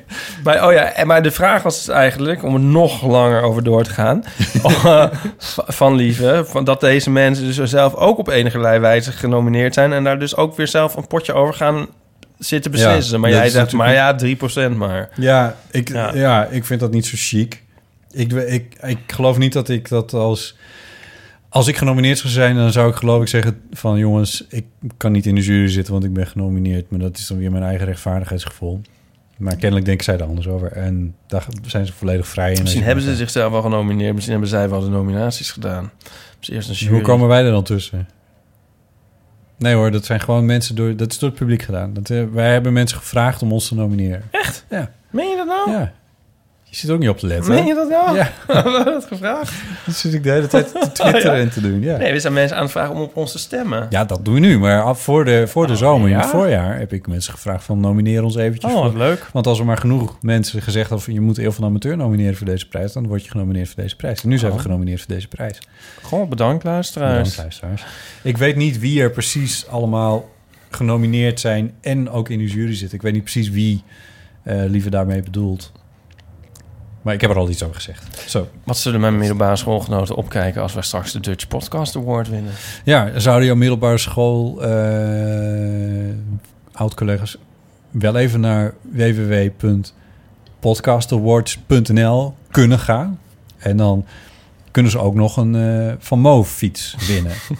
Krijgen we dat en weer? dan kunnen ze, ze- kan hè, dan kunnen ze stemmen op, eh, op de eeuw Ja. van de amateur. Je, je stemt in verschillende rubrieken. Tegen wie moeten wij nou eigenlijk ook alweer? Nou, kijk, dit is onze rubriek, journalistiek en media. Eerst pakken ze ons bier af en dan onze prijs. Nou, er is net een nieuwe podcast over media opgenomen... waarin Alexander Klupping heel hard fulmineerde tegen eh, deze prijs überhaupt. Want hij vond dat we maar puppets waren in het spelletje van BNR... ja. om de podcast eh, Dat weer zeiden wij eigenlijk ook in onze trailer. Ehm, Heeft hij ook alweer gejat van ons. Ehm, En dan hebben we onder mediadoktoren. Nou ja, Ja, dat is... dan hoeven we niet zo Nee. woorden en verhaal te maken. Ze hebben een logo in zwart-wit, dus waar hebben we het over? Potlicht. Spotlicht. Met een Alles, D. echt Spot alles. met een ja. D. Ja, nee, leg nog niet uit hoe, ze- hoe mensen het kunnen vinden. Oh ja. Ehm, echt alles, echt alles over journalistiek en alles eromheen. Nou, dat is niet waar, want wij zijn de podcast over alles. Dus dat kan al niet. En wat gebeurt er eigenlijk als je op meer informatie niet, eh, klikt? Dan beland je... En bij, bij ons, als je bij ons daarop bij ons krijg je een serietje, volgens mij. Even kijken. Dan krijg je... Er moet echt alles saaiste zijn wat we ooit hebben gedaan in een podcast. Eh, ja, nou dan zie je hier een aantal afleveringen. is dit, dit zijn wel de recentste, dus dat is mooi. En dan zie je hier de tekst aan, deel van de amateur podcast serie van Botti Jellema. We kunnen deze beter niet online zetten, opgenomen. Bot, want dan winnen we die prijs nooit. Kunnen beter... Die, die laatste was leuk van ons, over mild pedante jongens. Misschien moeten we dan even wachten tot de uitreiking voor we een nieuwe... nee, nee, maar dat is pas 3 september, dus zo lang ga ik echt niet wachten. Nee, zo'n grapje. Ja, maar... En dan hebben we eh, nog de radiopodcast. In de radiopodcast. En een radiopodcast is radio over Dat radio. nachtmerrie. Dus het gaat dus tussen ons en een podcast over media. Ja, feitelijk wel.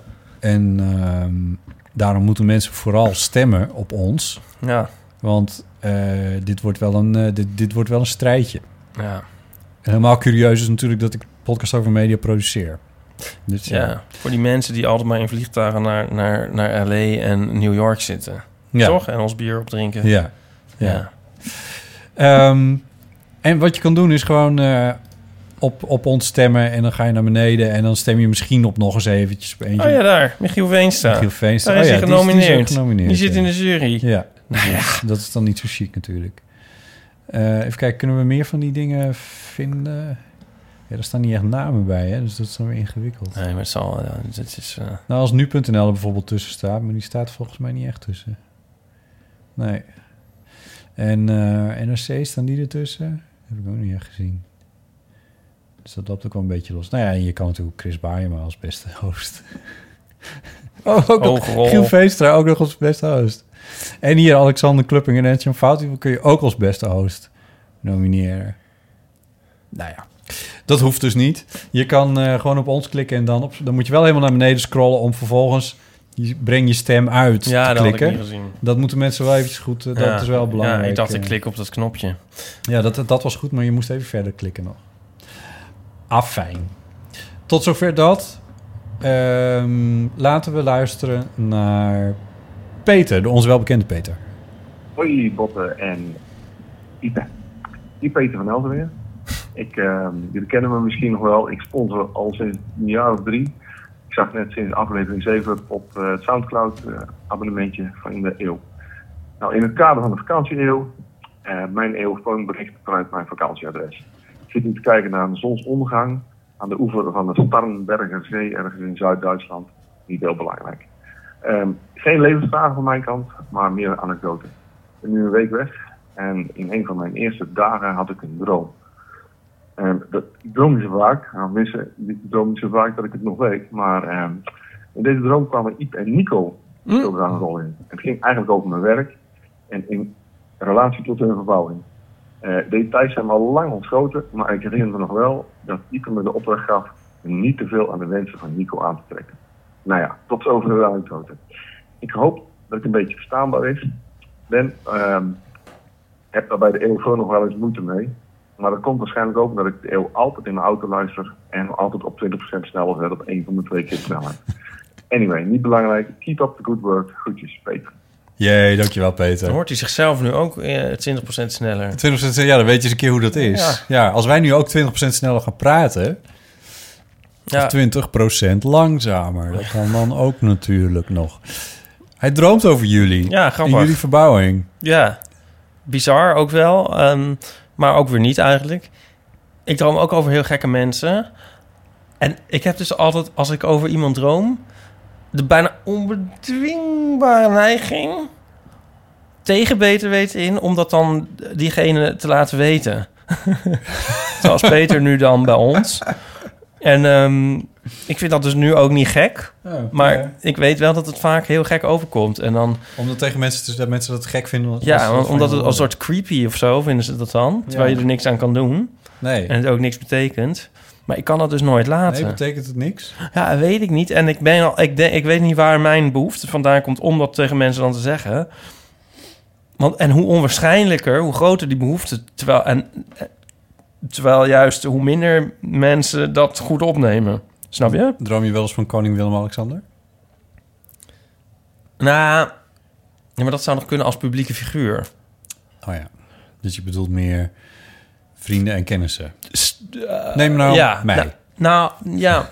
Nou, of bijvoorbeeld... Nou, het moet iets verder weg. Bart. Nou, Elger. Lieven. Elger van der Wel. Nou, lieve, ja... Ja, of... ja. Linda. Ik zit te denken aan wat aan de postbode.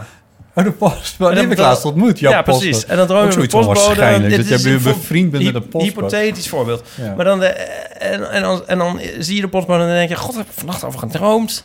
Ja. En dan zeg En dan ik, zeg ja, het is heel gek, maar ik heb vannacht over je gedroomd. Ja, waarom zeg je dat? En ja, in de hoop misschien dat, dat hij dan zegt van... Ik denk toch altijd van... Misschien kom je er Oh, wel ik heb achter. ook waarom? over jou ja, gedroomd. nou, maar niet... eh, van- maar Oh, je hoopt dat het een vervolg krijgt. nee, nee, maar niet op die manier, maar meer van... Zou dat toch iets zijn... Een gekke connectie waardoor dat komt. Ik bedoel niet een amoureuze of een erotische... maar Nee. is er toch iets ergens in ruimte en tijd... dat ons be- verbindt en waar we dan nu achter komen? Zoiets of zo. Ik weet het niet. Er is niks. Hoeveel Nee. bewijs heb je nodig voordat Ja, er niks ik moet het is? ook niet meer doen, maar ja. Leuk, Peter. Ja. Als ik van jou droom, dan laat ik dat zeker weten. Ja, dankjewel Peter. Vanuit het eh, als vakantieland zwaar onderschatte Duitsland. Ehm, Een docent of zo. Dat je zegt op de middelbare school van... Goh, ja, ik droomde vannacht van u. Aardrijkskunde docent. Toch? Dat zo'n ja, man ook nu denkt van... vliegen al, allemaal, Of al mijn vrouw. aardrijkskunde docenten vliegen even door mijn hoofd. dat ik denk van, nou nee. Nou ja, je kan Ja. van iedereen dromen.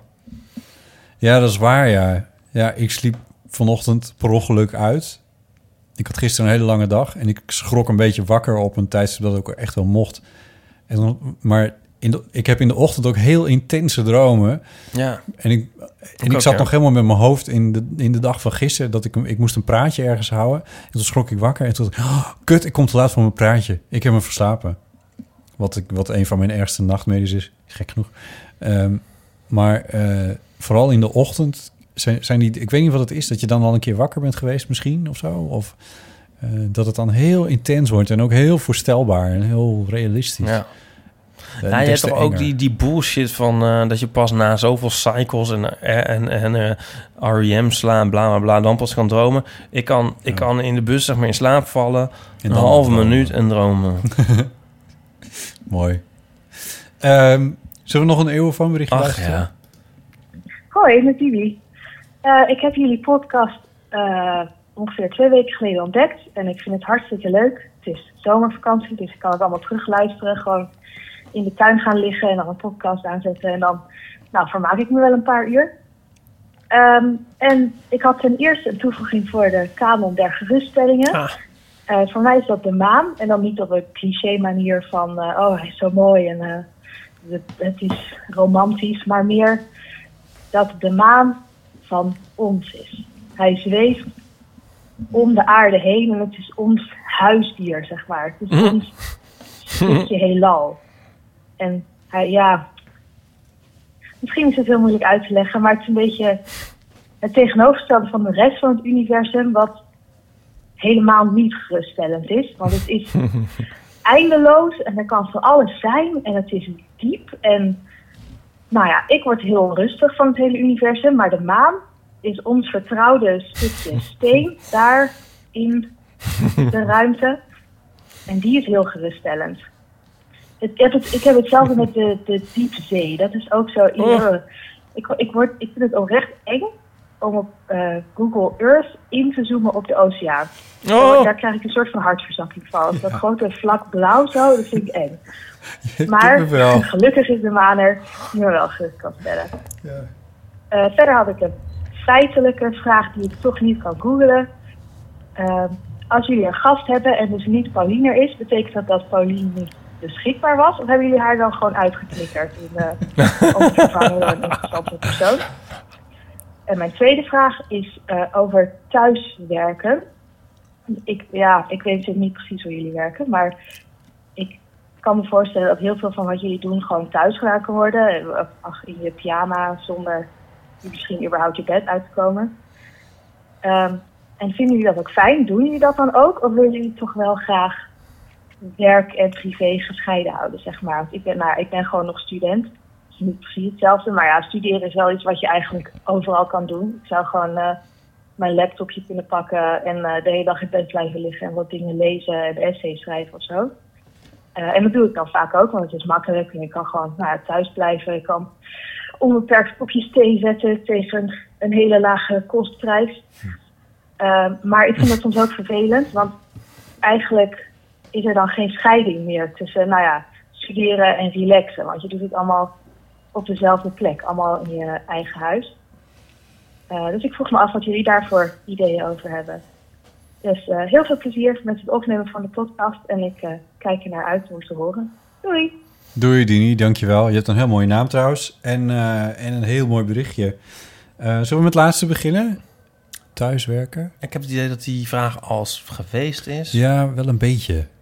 Maar ik weet, ik kan, als ik nou een afleveringnummer kon noemen, was het natuurlijk heel mooi geweest. Maar zo goed zijn wij niet Want in ik de zeg show daar dan notes. op van, ik moet dus mijn schoenen aandoen om aan het werk te zijn. Ja, dat was recent. Ja. Dat je dat een keer eh, hebt gezegd. Er kwam ook wat respons op. Dat er meer mensen waren die dat Ja. hadden. Waaronder eh, een eh, Linda Duits of zo. Ik weet niet precies, gekke naam.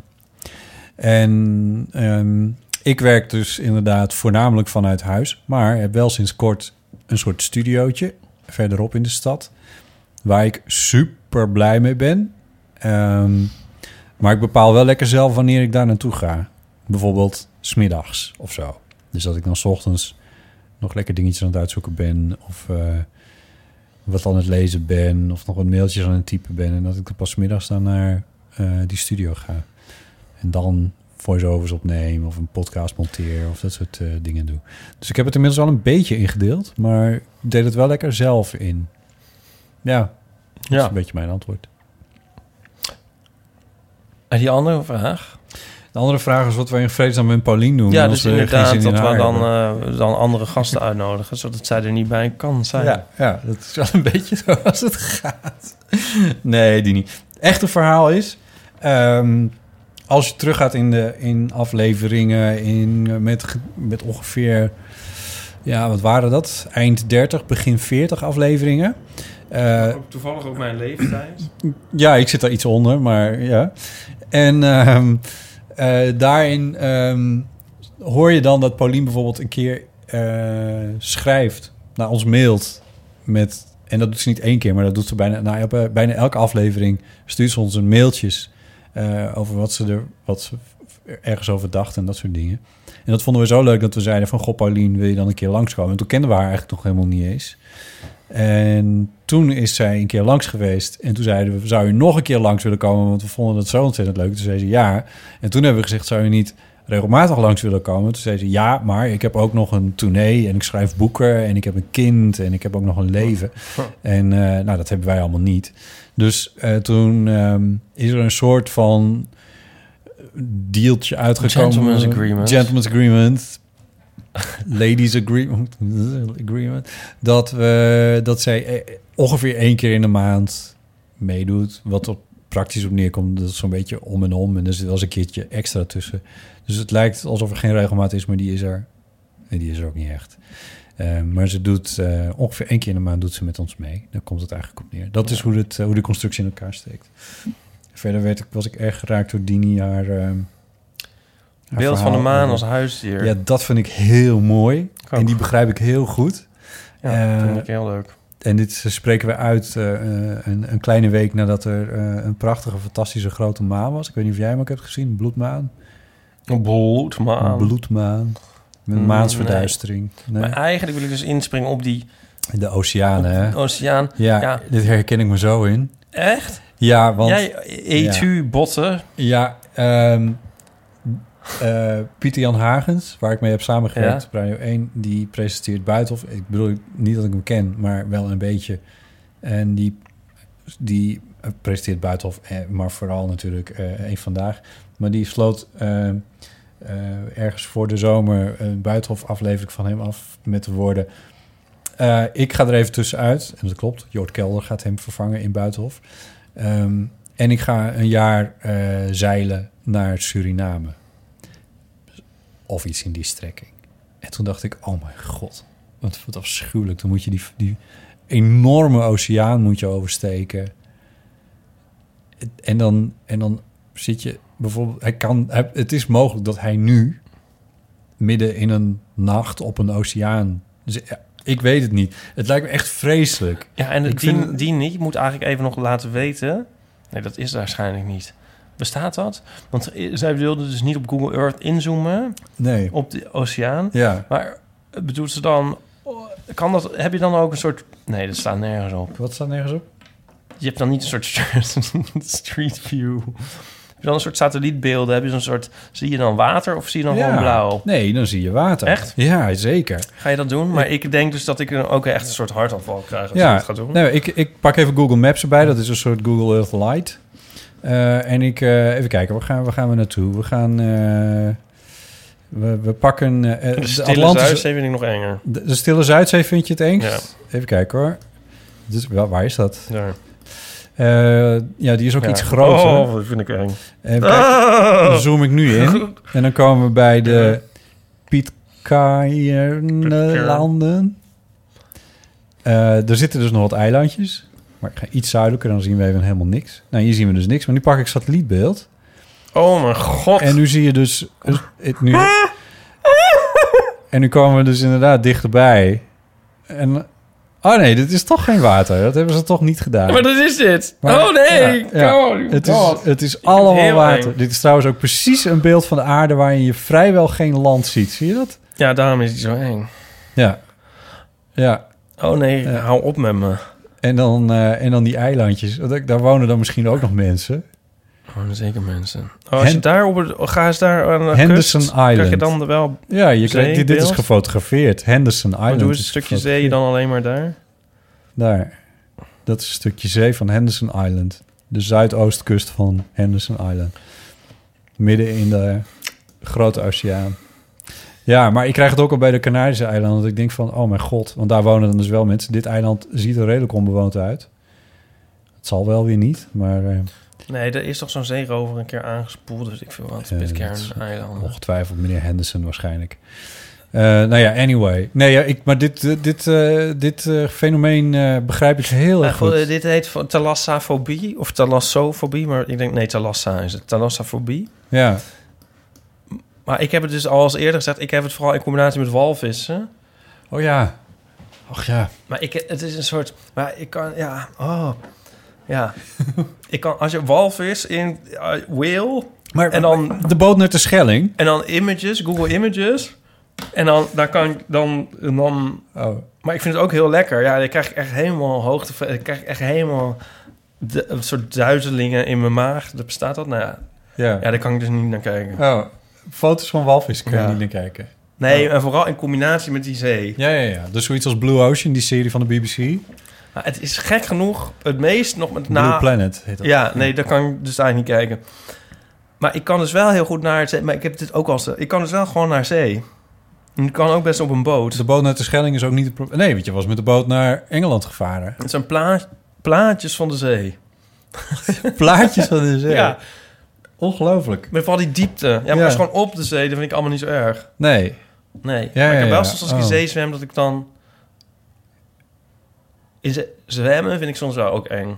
Ja, maar dat is, dat, dat is ook wel een beetje eng. Ik snap echt niet dat mensen... Ja, maar dat we dus onder je van alles wat je niet kan zien. Ja. Ja, Ja. maar het is die diepte van de zee die... Ja. Ja, die vind ik dat... eh, ja, dat. Ja, Als ik daarover ga nadenken, maar dat heb ik dus op boten al. Op de boot net de Schelling heb ik dat al. Dat ik denk van, wat zit er in vredesnaam onder ons? Ja, maar ik heb, ja, maar ik vind het ook een soort lekker. Allemaal, ja, maar het is allemaal materie waar je dood in gaat. Dat is wel een klein beetje wat het is. Ehm, dat waren de eeuwfoonberichtjes. Meestal stellen we het tot het laatst eh, Maar geven we hem nu gelijk maar uit. aan Dini. Laten we nu... Zullen we dat maar gewoon doen? Ja.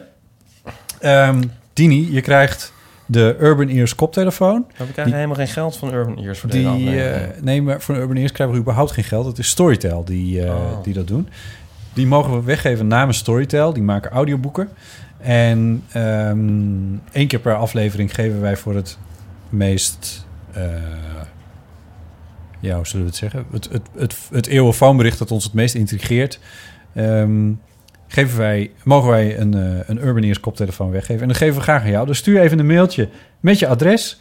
Dan zorg ik dat eh, Storytel dat krijgt. En dan gaat Storytel eh, die koptelefoon naar je toesturen.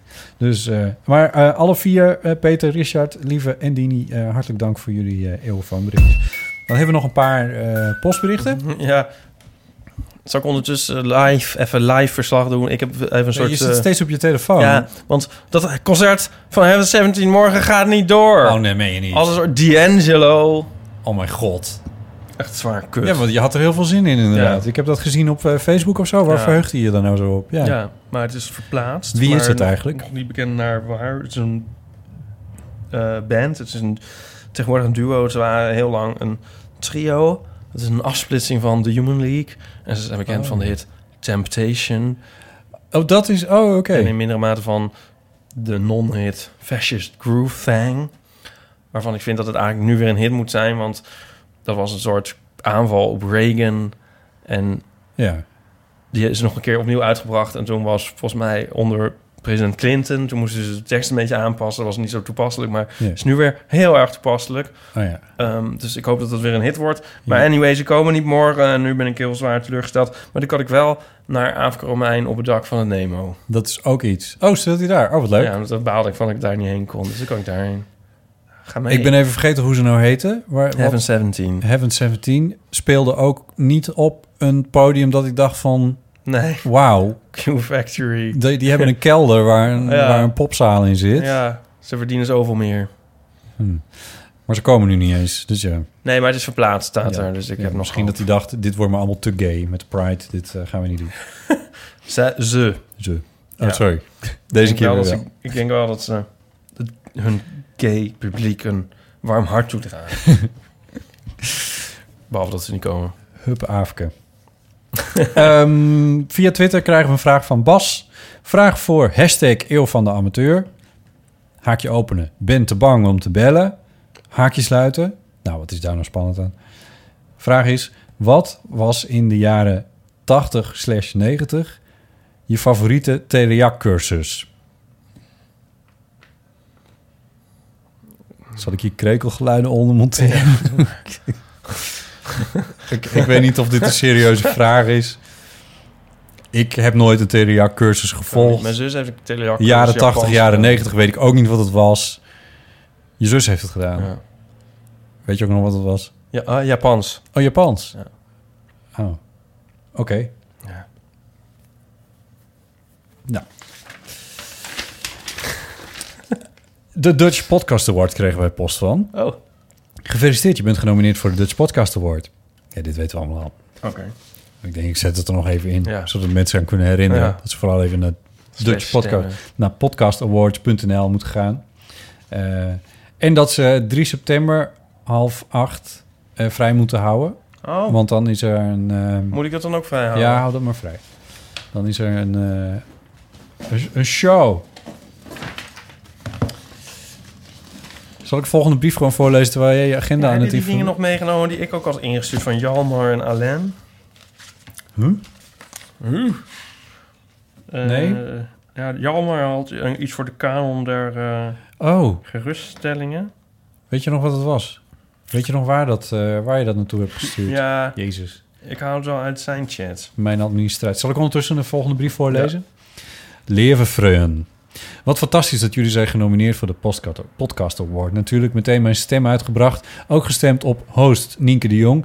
En niet alleen vanwege de Friese roots. Daar gaat mijn vraag deze keer ook over. Of eigenlijk mijn verbazing. Ik weet niet of Pauline er deze keer bij is, want zij zou best iets zinnigs over taal kunnen zeggen. Waar ik op doel is dat ik zeer teleurgesteld ben in het feit dat er in Leeuwarden nauwelijks Fries wordt gesproken. Vooral de kinderen en tieners die ik hoor spreken een soort bekakt Nederlands waar je in Amersfoort niet voor hoeft te schamen. Ik merk dat het ook aan mijn kleinkinderen, 3, 6 en 9, die, hoewel ze worden opgevoed met de Frieske taal, ze altijd overgaan in het Nederlands. Het idioot is dat je dan automatisch overschakelt en meedoet. Hoe kunnen we dit keren? Ik ben een groot voorstander van tweetalige opvoeding en wil graag onze mooie taal voor de volgende generaties bewaren.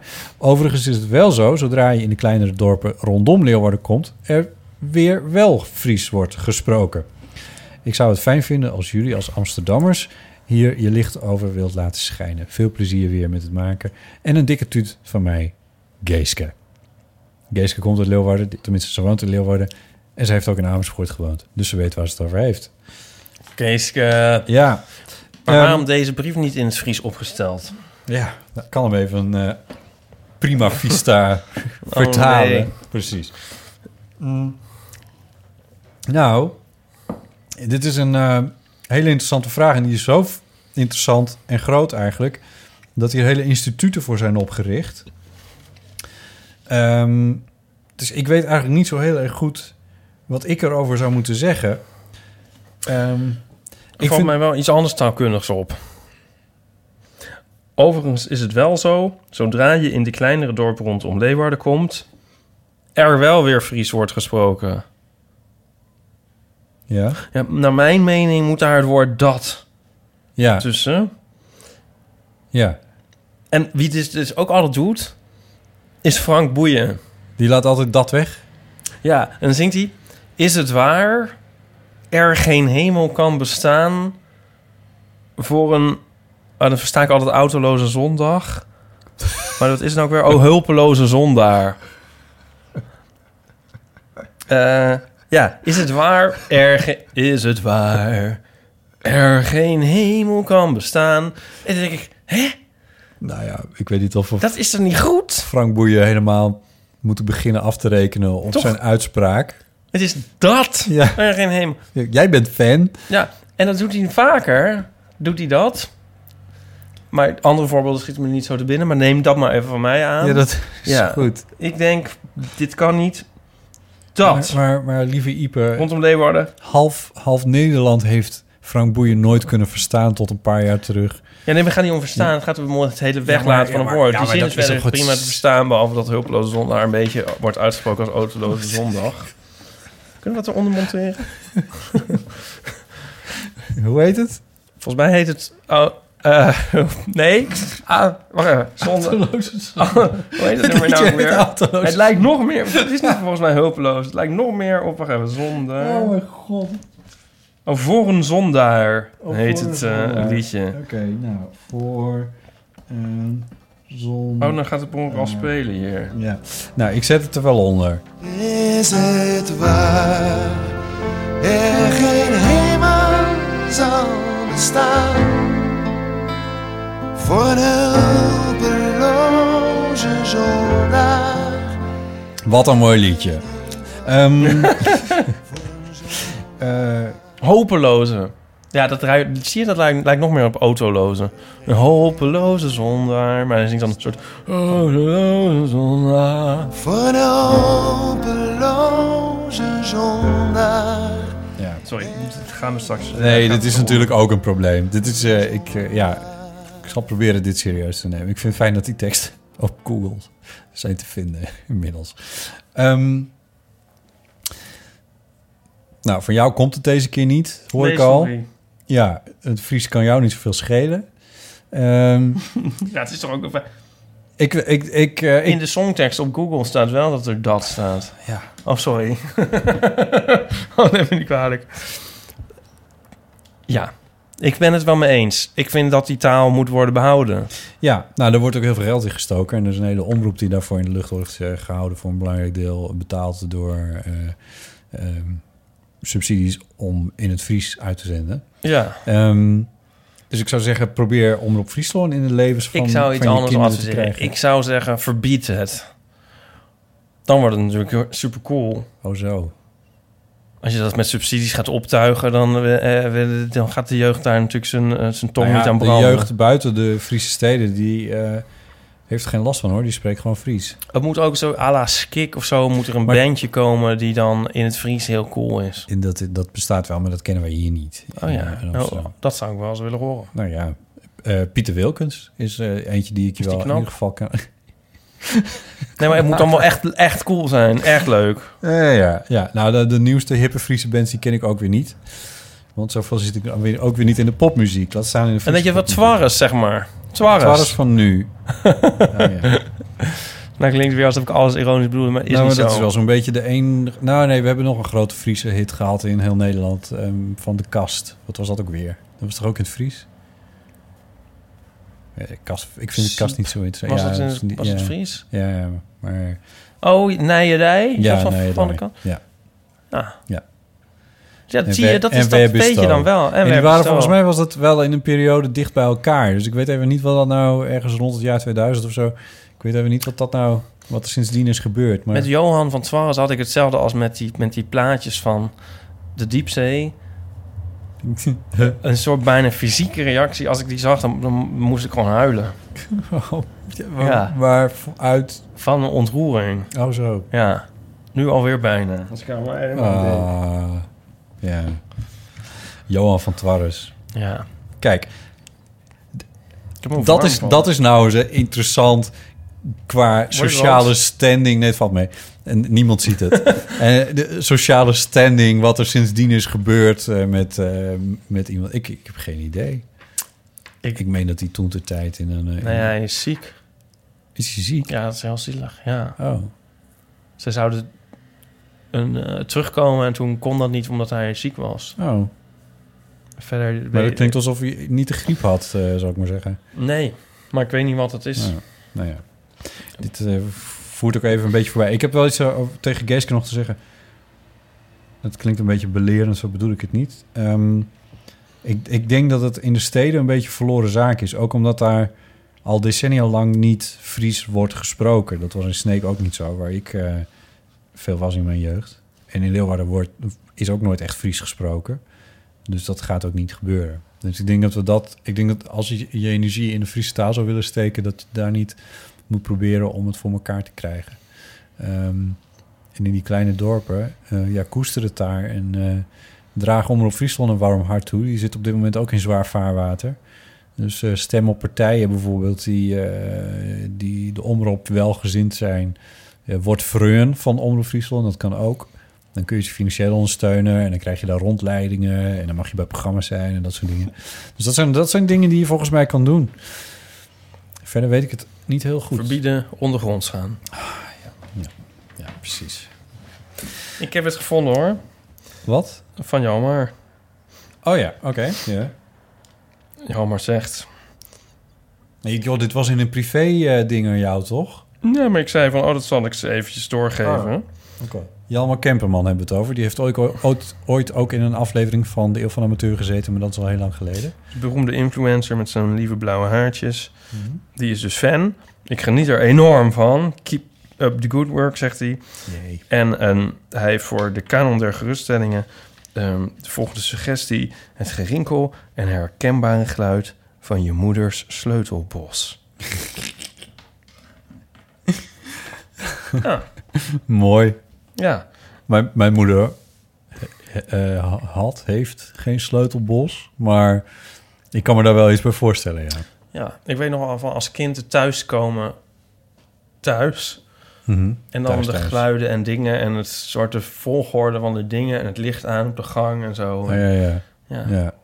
En de, ja, ouders moeten eigenlijk ook nooit verhuizen. Ik moet het ook niet zeggen, want mijn ouders zijn verhuisd en dat, dat is ook allemaal prima. Ehm, maar je, eh, het, ik denk als je mij nu in het, in het huis zou zetten op een willekeurige plek eh, waar, ik ben, waar ik in ben opgegroeid, dan zou ik met een blinddoek voor, dan zou ik zonder te struikelen van elke trap af kunnen lopen en eh, me overal aan vast kunnen houden. Ik weet precies waar wat zit. Is een soort muscle memory Ja. die je nooit meer, die nooit meer weggaat. Nee, maar is dat dan bij je huis? Want ik, in mijn huis... Ik heb dat in dit huis heb ik dat bijvoorbeeld niet. Ik moet hier echt lampen aandoen om te weten waar ik ben. Hoe lang woon je hier? Ja, vijf jaar. Ah, ja. Ja, dat zou er onderhand wel zo'n beetje... En het is ook niet een ingewikkeld huis. Ik heb niet eens echt een trap of zo. Maar het is een... Ja, ik weet het niet. En Alain had nog een mail over Phoenix. Intellectueel. Oh ja, daar hadden we het vorige keer over, ja. Ja. Was nog aan het nakouwen over de term Phoenix intellectueel. Waarschijnlijk is dat wel bedoeld als een belediging, maar in feite is het toch hartstikke positief. Phoenix intellectualisme is volgens mij niks anders dan de filosofische variant van gezond boerenverstand. Waar je alle waar je alledaagse uitdagingen in 90% met gebruik van het gezonde boerenverstand wel uitkomt, geldt voor filosofische vraagstukken dat je 90% het wel redt met het alledaagse Finex-intellectualisme. Dat wil zeggen, zelfs zonder diep onderlegd te zijn in de filosofie en ethiek, maar met gewoon een doorsnee opleiding op een gemiddelde school en kennis van het praktische leven van alle dag, kun je best meedenken met intellectuele vraagstukken. Om maar een voorbeeld te noemen, met de komst van de zelfsturende auto wordt er een hele hoop hijzen gemaakt door ethici over het trolley-probleem. Moet een auto een keuze maken tussen een voetganger doodrijden of in een muur rijden bij een crash? En wat als de een een omaatje is en de ander een kind? Met een gezonde dosis Finex-intellectualisme kun je dan al zeggen... ja, leuk en aardig die vraag... maar op dit moment zijn er 70 verkeersdoden per dag in Europa... door menselijke bestuurders. Laten we eerst zorgen dat we auto's hebben die dat aantal omlaag brengen... en pas daarna gaan kijken of er nog keuzes gemaakt kunnen worden. Ja. Het hele doel van zelfrijdende auto's is minder ongelukken. Nee, dat is niet waar. maar- Kortom, Finex-intellectualisme is volgens mij niks anders dan het gezond boerenverstand van de 21ste eeuw. Ja. Met post-intellectuele groet, Alain. Dankjewel, dat is een mooie brief. Eh, het doel van de elektrische auto, dat twijfel ik aan. Zelfsturende auto, rijdende auto's, Zelfrijdende auto, wat zei ik? elektrische. Oh ja. Het doel van de zelfrijdende auto is... eh, eh, daar, Geld daar- verdienen. daar- ja, dat, dat is vrij simpel. Ehm, dus eh, daar twijfel ik aan of dat, eh, of dat klopt. Nee, oké, maar De, even. het trolley-dilemma. ehm, het is zo dat... Ik heb hier een heel verhaal over gemaakt, dus ik weet hier het nodige van. Ja, Dit is de derde keer dat je dat zegt in deze uitzending. ja. Maar goed. Ja, Ik heb jij dit- zegt altijd dat je Ja, overal een uit. fotostrip over hebt. Ik heb Mag toevallig wel. overal Ja, een nou, documentaire ik- over Zelf gemaakt. gewoon hebben. Ehm, de, de, de, het trolley-dilemma, daarover zeggen makers van elektrische auto's van ja, maar die, we willen nooit voor die keuze komen. Dus als er een, we willen nooit in de situatie komen dat we de keuze moeten maken tussen eh, de een of de ander. Eh, dus ja, daar valt wel iets meer over te zeggen dan hij nu doet. Natuurlijk valt er meer over te zeggen, maar het, ga- het trolley-dilemma is eh, een al ouder filosofisch probleem, een ethisch probleem. No, eh, oorspronkelijk met een wissel, volgens mij. En misschien is er nog wel weer een oudere variant. Van een trein rijdt af Ja, precies. Ja. op een, weet ik veel, een, dorp of een ravijn. Een Je schooltje of zo. Ja. En als je de wissel omzet, dan rijdt hij over één iemand heen, maar is verder iedereen gered. Moeten we dat doen? Ja. Ja. Nou ja, die kan je, ja, daar kan je inderdaad heel, daar kan je inderdaad voor doorstuderen. Of je kan er Finex intellectualisme op loslaten. Ja, mooi. Ja, ja. Maar de, het, het punt is, dat is het laatste wat ik er dan over zeg. Niemand accepteert van zelfrijdende auto's dat ze brokken maken. Dat zie je aan de ophef die er is over de, de auto's die er in, eh, in Phoenix zijn eh, gesneuveld. Van In Phoenix? Phoenix. ja. Oh, dat bedoelden ze. Phoenix, Arizona. Ehm, dat er. eh, Dit is toch ook weer een boektitel? Phoenix, Arizona. ja. Het plaatje Phoenix in Arizona. Eh, daar, maar daar, goed, daar werden veel proeven gedaan met, ehm, met zelfrijdende auto's. Onder andere door Google en door Apple en door Uber. En Uber is daar enorm gecrashed en dat heeft ook een leven gekost. Ehm, dat zijn twee crashes geweest. Er zijn een paar gebeurd, maar dit zijn de beroemdste. En Uber heeft dat hele programma stilgelegd. Puur omdat mensen het niet accepteren dat... En hier komen we bij kunstmatige intelligentie volgens mij ook ongeveer. Maar dat mensen het niet accepteren dat computers dooien maken. En dat is wel waar dit over gaat. Eh, en daarom zeggen dus makers... Ik heb een maker van Volvo gesproken. Eh, dat is een Nederlander die in eh, Zweden dat ontwikkelt. En die zegt van ja, wij willen niet voor dat dilemma komen. Als wij niet de situatie kunnen overzien. eh, als onze auto de situatie niet kan overzien... dan zal die remmen. Dan zal die stoppen. Net zolang tot de situatie wel is te overzien. En pas dan zal hij weer verder Ja. gaan rijden. Dit is dus het grote probleem van zelfrijdende auto's. Een stad als Amsterdam komen ze gewoon niet door met zo'n ding. Op snelwegen is het prima. Daarom denk ik ook dat het nog wel eventjes zal duren voordat we er helemaal aan zijn. Maar goed, het is, dat is weer een heel ander verhaal. Ja, dat is een beetje een weerwar. Want ehm, ze zijn er nog niet, maar ze gaan denk ik wel... We gaan, ze, ze, ze zullen komen. Ja, ja, ja. En, en eh, voorlopers daarvan zijn al bijvoorbeeld eh, eh, adaptieve cruise control en lane keeping assistance. Dat zijn eigenlijk al behoorlijk zelfrijdend. Dan wordt je auto al redelijk zelfrijdend als je dat allemaal hebt. En dat is alleen maar goed, want eh, adaptieve cruise control voorkomt ook ongelukken. En eh, die eh, city braking systems die er al lang op Volvo's zitten en op al die nieuwe auto's, dat is allemaal ontzettend goed. Want daardoor stoppen auto's op momenten dat je zelf misschien nog niet eens in staat bent om te remmen of het niet ziet. En dan stoppen ze wel. Dus ehm, dat zijn allemaal heel goede ontwikkelingen. Ik ben er dus niet tegen, maar je moet het denk ik niet overdrijven. Dat is ook Phoenix. Dit is Ja, wat voor intellect. Anyway, als je meer over wil weten, die documentaire die is al een paar jaar oud, maar is nog steeds actueel. En die kun je ook vinden op bottejelma.nl slash botdocumentaires. En dan zie je hem vanzelf. Ja. Ehm, maar nog een mailtje. Oh god. Bedankt voor jullie heerlijke podcast. Mijn dilemma gaat over de naam voor mijn toekomstige kind en dan niet de voornaam. Mijn vriend en ik zijn drie jaar samen en we denken aan kinderen. Dat brengt wat oneenigheid met zich mee. Ik ben een vrouw en ik vind het een vreemde vanzelfsprekendheid dat mijn kinderen de achternaam van mijn vriend krijgen. Hij wil dit wel graag. Ik hoef niet per se dat mijn kind mijn achternaam krijgt, maar de reden dat het nou eenmaal gebruikelijk is om de achternaam van de vader te nemen, vind ik zo magertjes en ouderwets. Ik vind het net zo goed leuk als mijn kinderen mijn naam krijgen als hij. Wat bijzaken die een rol kunnen spelen in het dilemma zijn dat zijn achternaam altijd gespeld moet worden en de mijne voor zich spreekt. Maar, ik vind, maar dat vind ik een beetje een flauwe troef. Ik vind mijn achternaam ook veel leuker en heb wat bijnamen met mijn achternaam. Nog een factor is dat ik een kleine dat ik een klein neefje heb met mijn achternaam en hij alleen een klein nichtje, dus dat mijn achternaam sowieso al doorgegeven wordt en die van hem niet. Huh? Dus dat alleen mijn achternaam sowieso al doorgegeven wordt en die van hem niet. Wat vinden jullie en wat zouden jullie doen? Heel veel groeten en bedankt voor de uren aan luisterplezier. José. José. José, dankjewel voor je fijne José. mail. Ja, nee, dat vertelt het verhaal niet. Echt niet? Nee. Ja. Hallo. Ja. Nee, maar ik vind dat ook wel goed. Want dan zouden wij een keuze maken op basis Ja. van wat wij... ja, precies. Of zij nou de Vries heet en de ander eh Baudet. ja, daar, daar kunnen we dus een keuze niet op baseren. En dat is wel goed. Dat is wel goed. Maar die- zijn achternaam moet hij, dus elk, moet hij dus elke keer spellen. En haar achternaam is dat dus bij haar achternaam is dat niet het geval. Nee.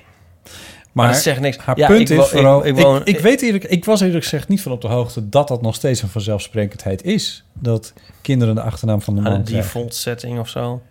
Dan moet toch iets de standaard setting zijn? Ja, maar ik ken ook mensen die... Of niet? Ik ken ook mensen die kinderen hebben... die de achternaam van de moeder hebben. Ja. I don't know. Of dat het dan ligt of je wel of niet getrouwd bent. Dat zou ook nog kunnen. Nee, dat weet ik eigenlijk ook niet. Zit even bij mij in de familie te denken.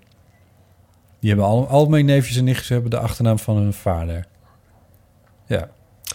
Mijn neefje en nichtjes ook.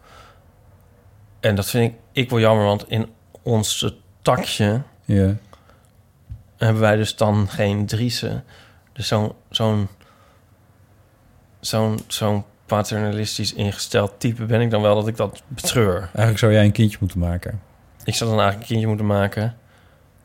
En dan zeggen, en hij heet Driessen. Driessen. Verdomme.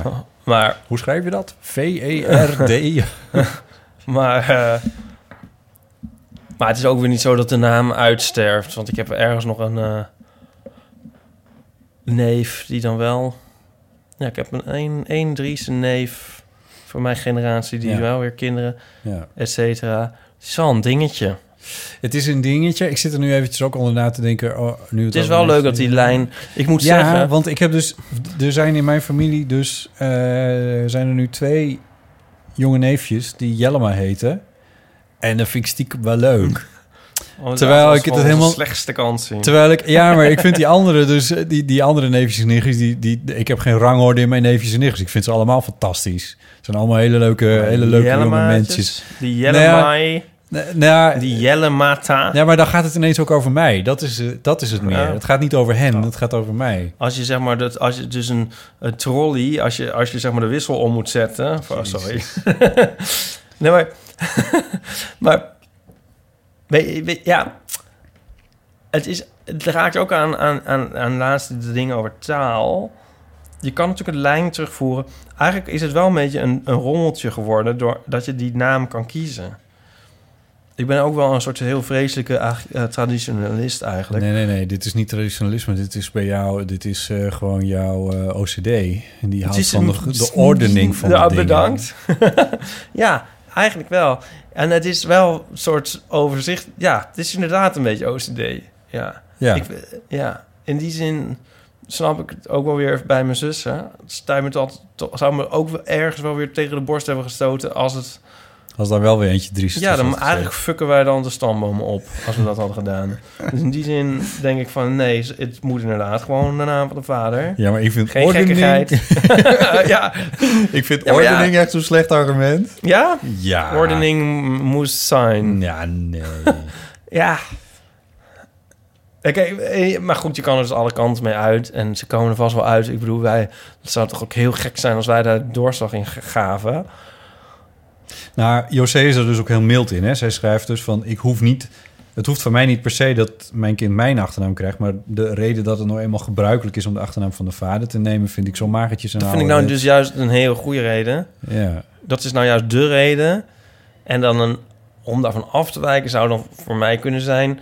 een naam sterft uit. Maar als hij ergens in een andere lijn voortgezet wordt... Kijk, als je nou de Ja. laatste... eh, ja... Zijn er mensen met een... Echt een, een, singuliere achternaam? Die nergens anders meer voorkomt. Ja. Maar ja, is het dan ook niet een beetje... Kijk, is het dan ook niet mooi Ja, maar wat, als hij dan komt dat ophoudt? er allemaal toe? Ja. Zelfs. Hè? Kijk, als je dan zo... Dus dat, als je dat dan gaat traceren... Dat je denkt, ja, maar wacht, daar is- stopte die. toch- Dat is eigenlijk heeft dat ook nog wel wat. Er schiet me nog iets anders te binnen. Wat... Ik weet niet precies, maar bijvoorbeeld... hmm, een moeder... Je weet zeker dat je het kind van je moeder bent. Dat is echt wel redelijk zeker. Ja. Eh, wie je vader is... Dat moet je eigenlijk maar aannemen. Ja. En dan is het dus zo dat een vader een kind erkent. Ik weet niet exact hoe dat nou Ja. werkt. Of je bent getrouwd of je erkent, geloof ik. Ik geloof dat het één van twee is. Eh, ik, ik, zit niet, ik ben niet helemaal thuis in deze materie. Nee, dit is, Maar dan dit is een... eh, verbind je dus als vader... verbind je je wel aan je kind... op het moment Ja. dat hij je achternaam draagt. En ik kan me ook iets bij voorstellen... dat je als vader zoiets wel... dat dat meer, voor jou meer betekent dan... Ja. alleen maar eh, dus traditie. Want daar zit misschien wel iets meer achter. Ja. José. Oeh. Henk Westbroek ehm, is opgevoed door zijn tante... in de veronderstelling altijd geweest dat dat zijn moeder was. En pas op heel late leeftijd Oh, echt? was dat dan zijn tante. Vandaar. Vandaar rare las ik in de biografie Henk. Henk. Geweldig boek, dat kan ik iedereen aanbevelen. Ja, er wordt ook altijd aan het boek gerefereerd als de Henk. Het is echt een heel goed boek. Een soort naslagwerk. Ehm, maar goed. ehm, Geheugen van Utrecht.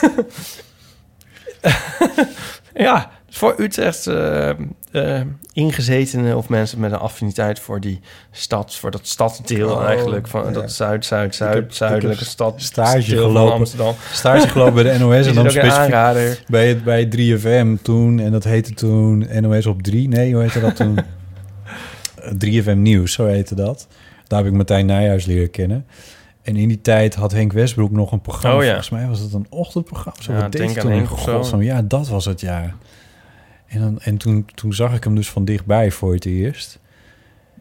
Met zo'n met zo'n ongekamde haren en lage roos op die eeuwige zwarte overhemden van... oh, oh, oh, wat verschrikkelijk. Ik dacht van, oh ja, nee, dat, is- dat is ook niet... ehm, dat is het misschien ook niet, Henk. Eh, goed, misschien kijkt hij er zelf met heel veel plezier op terug. Ik moet het ook niet zo tragisch over doen. Geweldige man, vind ik het. Je kent hem. Hè? Nee, zo'n eh, werk en zijn... Als politicus. nou, ik ben in de eerste plaats natuurlijk fan van eh, de liedjesschrijver. Ja, dat zal je net zien, ja.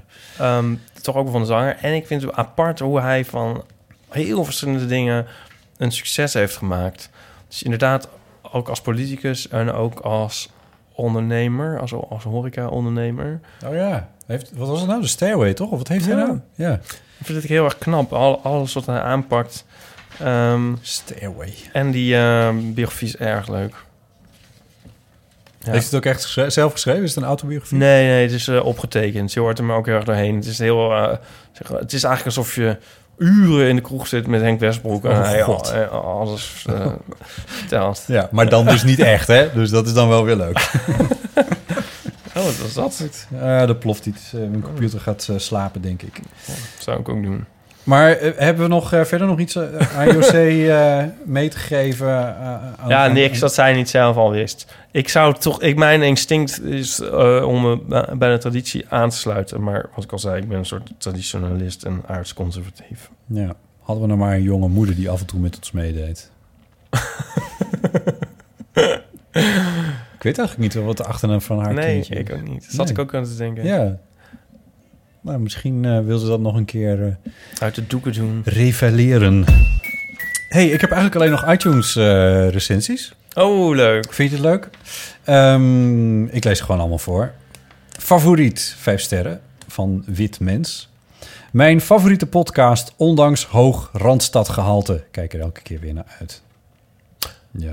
Oh, mag ik toch nog iets zeggen over het vorige? Ja. Ik had best wel de naam van mijn moeder willen hebben. Hoe heet jouw moeder? Hassefras. Niet. Ja, dat, Hoe spelt men dat? ja, zoals je het zegt. Hassefras. Met dubbel S. Ja. Is dat, dat is toch En F'en of V's? Ja, één F, H-A-S-S-E. maar dat is nou een naam die ik echt nog nooit heb gehoord. F-R-A-S. Nee, toch is die wel... Het is een eh, beetje een Donald Duck naam. Ja, ja Oh, sorry, sterker is dat nog. heel erg? Nee, helemaal niet. Nee, dat is heel grappig wat je zegt. Ik heb ooit, mijn moeder heet eigenlijk eh, Helena Hassefras. dus, eh, Het is dus opgegroeid op een klein kasteeltje. Ja, nou ja, nou, van Rotterdam. meer een soort artiestennaam of zo, of een soort goochelares of zo klinkt het misschien. Ja. Maar ze is dus een na Driese geworden. Maar ik vind, ja, is natuurlijk een fantastische naam. Ja. Die ik wel had willen hebben. Ja. Ja. Ja, Je kan alsnog je artiestennaam van maken natuurlijk. Ik heb er achteraf wel spijt van, ja. Dat je dat niet gedaan hebt. Ja. Zal ik me de achternaam van mijn moeder ook onthullen? Ja. Stellingwerf. Vind, ik, hoor- vind ik ook een heel mooie naam. Ik ken een Paul Stellingwerf. Ik niet. Ja, niet? Paul Nee. Is dat een Nee, Paul is ook niet een naam die in een familie loopt. Dus, eh, nee. Even kijken wie dat ook weer was. Thuiskomen. Ja, dat hebben we al eens sterren. gehad. An, nou, die, Anna... eh, Die lees je gewoon elke keer voor. Nee, nee. ik, ik verheug me altijd op een nieuwe aflevering. Er passeert van alles de revue, van trivia tot levensvragen. Dit samen met de ontspannen presentatie, aandacht voor taal en humor... maken het tot een toppodcast... waarbij het luisteren voelt als thuiskomen. Was getekend Michiel Veenstra.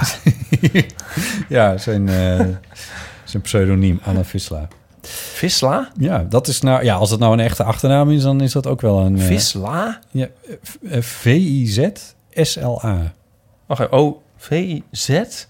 S-L-A. Kijk, het staat hier. Visla. Oh ja, nee, ik dacht Visla. Ja, je, je kent het wel. Ja, nou ja. Die lade in je keuken waar je, voor die- visla. waar je altijd de, de, de vis in bewaart. Nee. Ehm, prettigste podcast van Nederland. Vijf sterren. Sterretje, sterretje. De balans tussen Botte en Ipe en Paulien is bijzonder prettig. Mild en afgestemd. Ja, dat klopt. Er gaat heel veel tijd in zitten in dat afstemmen. De aflevering met Aafke was ook genieten. Ik luisterde naar haar boek Project M eh, via Spotify. Aanraden, ze sprak hem ook zelf Concept in. M, volgens mij, maar goed. Nee, hier staat project. Ik weet niet of ik dat, of ik dat er nou zelf van heb gemaakt. Je kan dus niet typt selecteren het over. in iTunes. Ja, je moet het Maak overtypen. je dan geen screenshot? Ja, dat was misschien... Oh, laat ik dat in het vervolg doen. Dan weet ik zeker dat, dat, dat, er geen, dat het niet mijn schuld is. Maar ja, I'm the one to talk, want ik noemde nog haar LP nog blokken. Ja, daar, daar sla je jezelf nog steeds mee over- voor het hoofd. Dat hoeft volgens mij ook weer niet. Maar goed, Aafke, de- die dus... eh, M... Concept M? Concept M, ja. Concept M.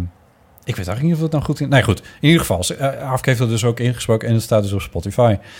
Eh, lieve mensen, doe zo voort. By far de prettigste ongedwongen podcast in Nederland. Liefs, Liesje. Dankjewel, Liesje. Dat is heel aardig van je.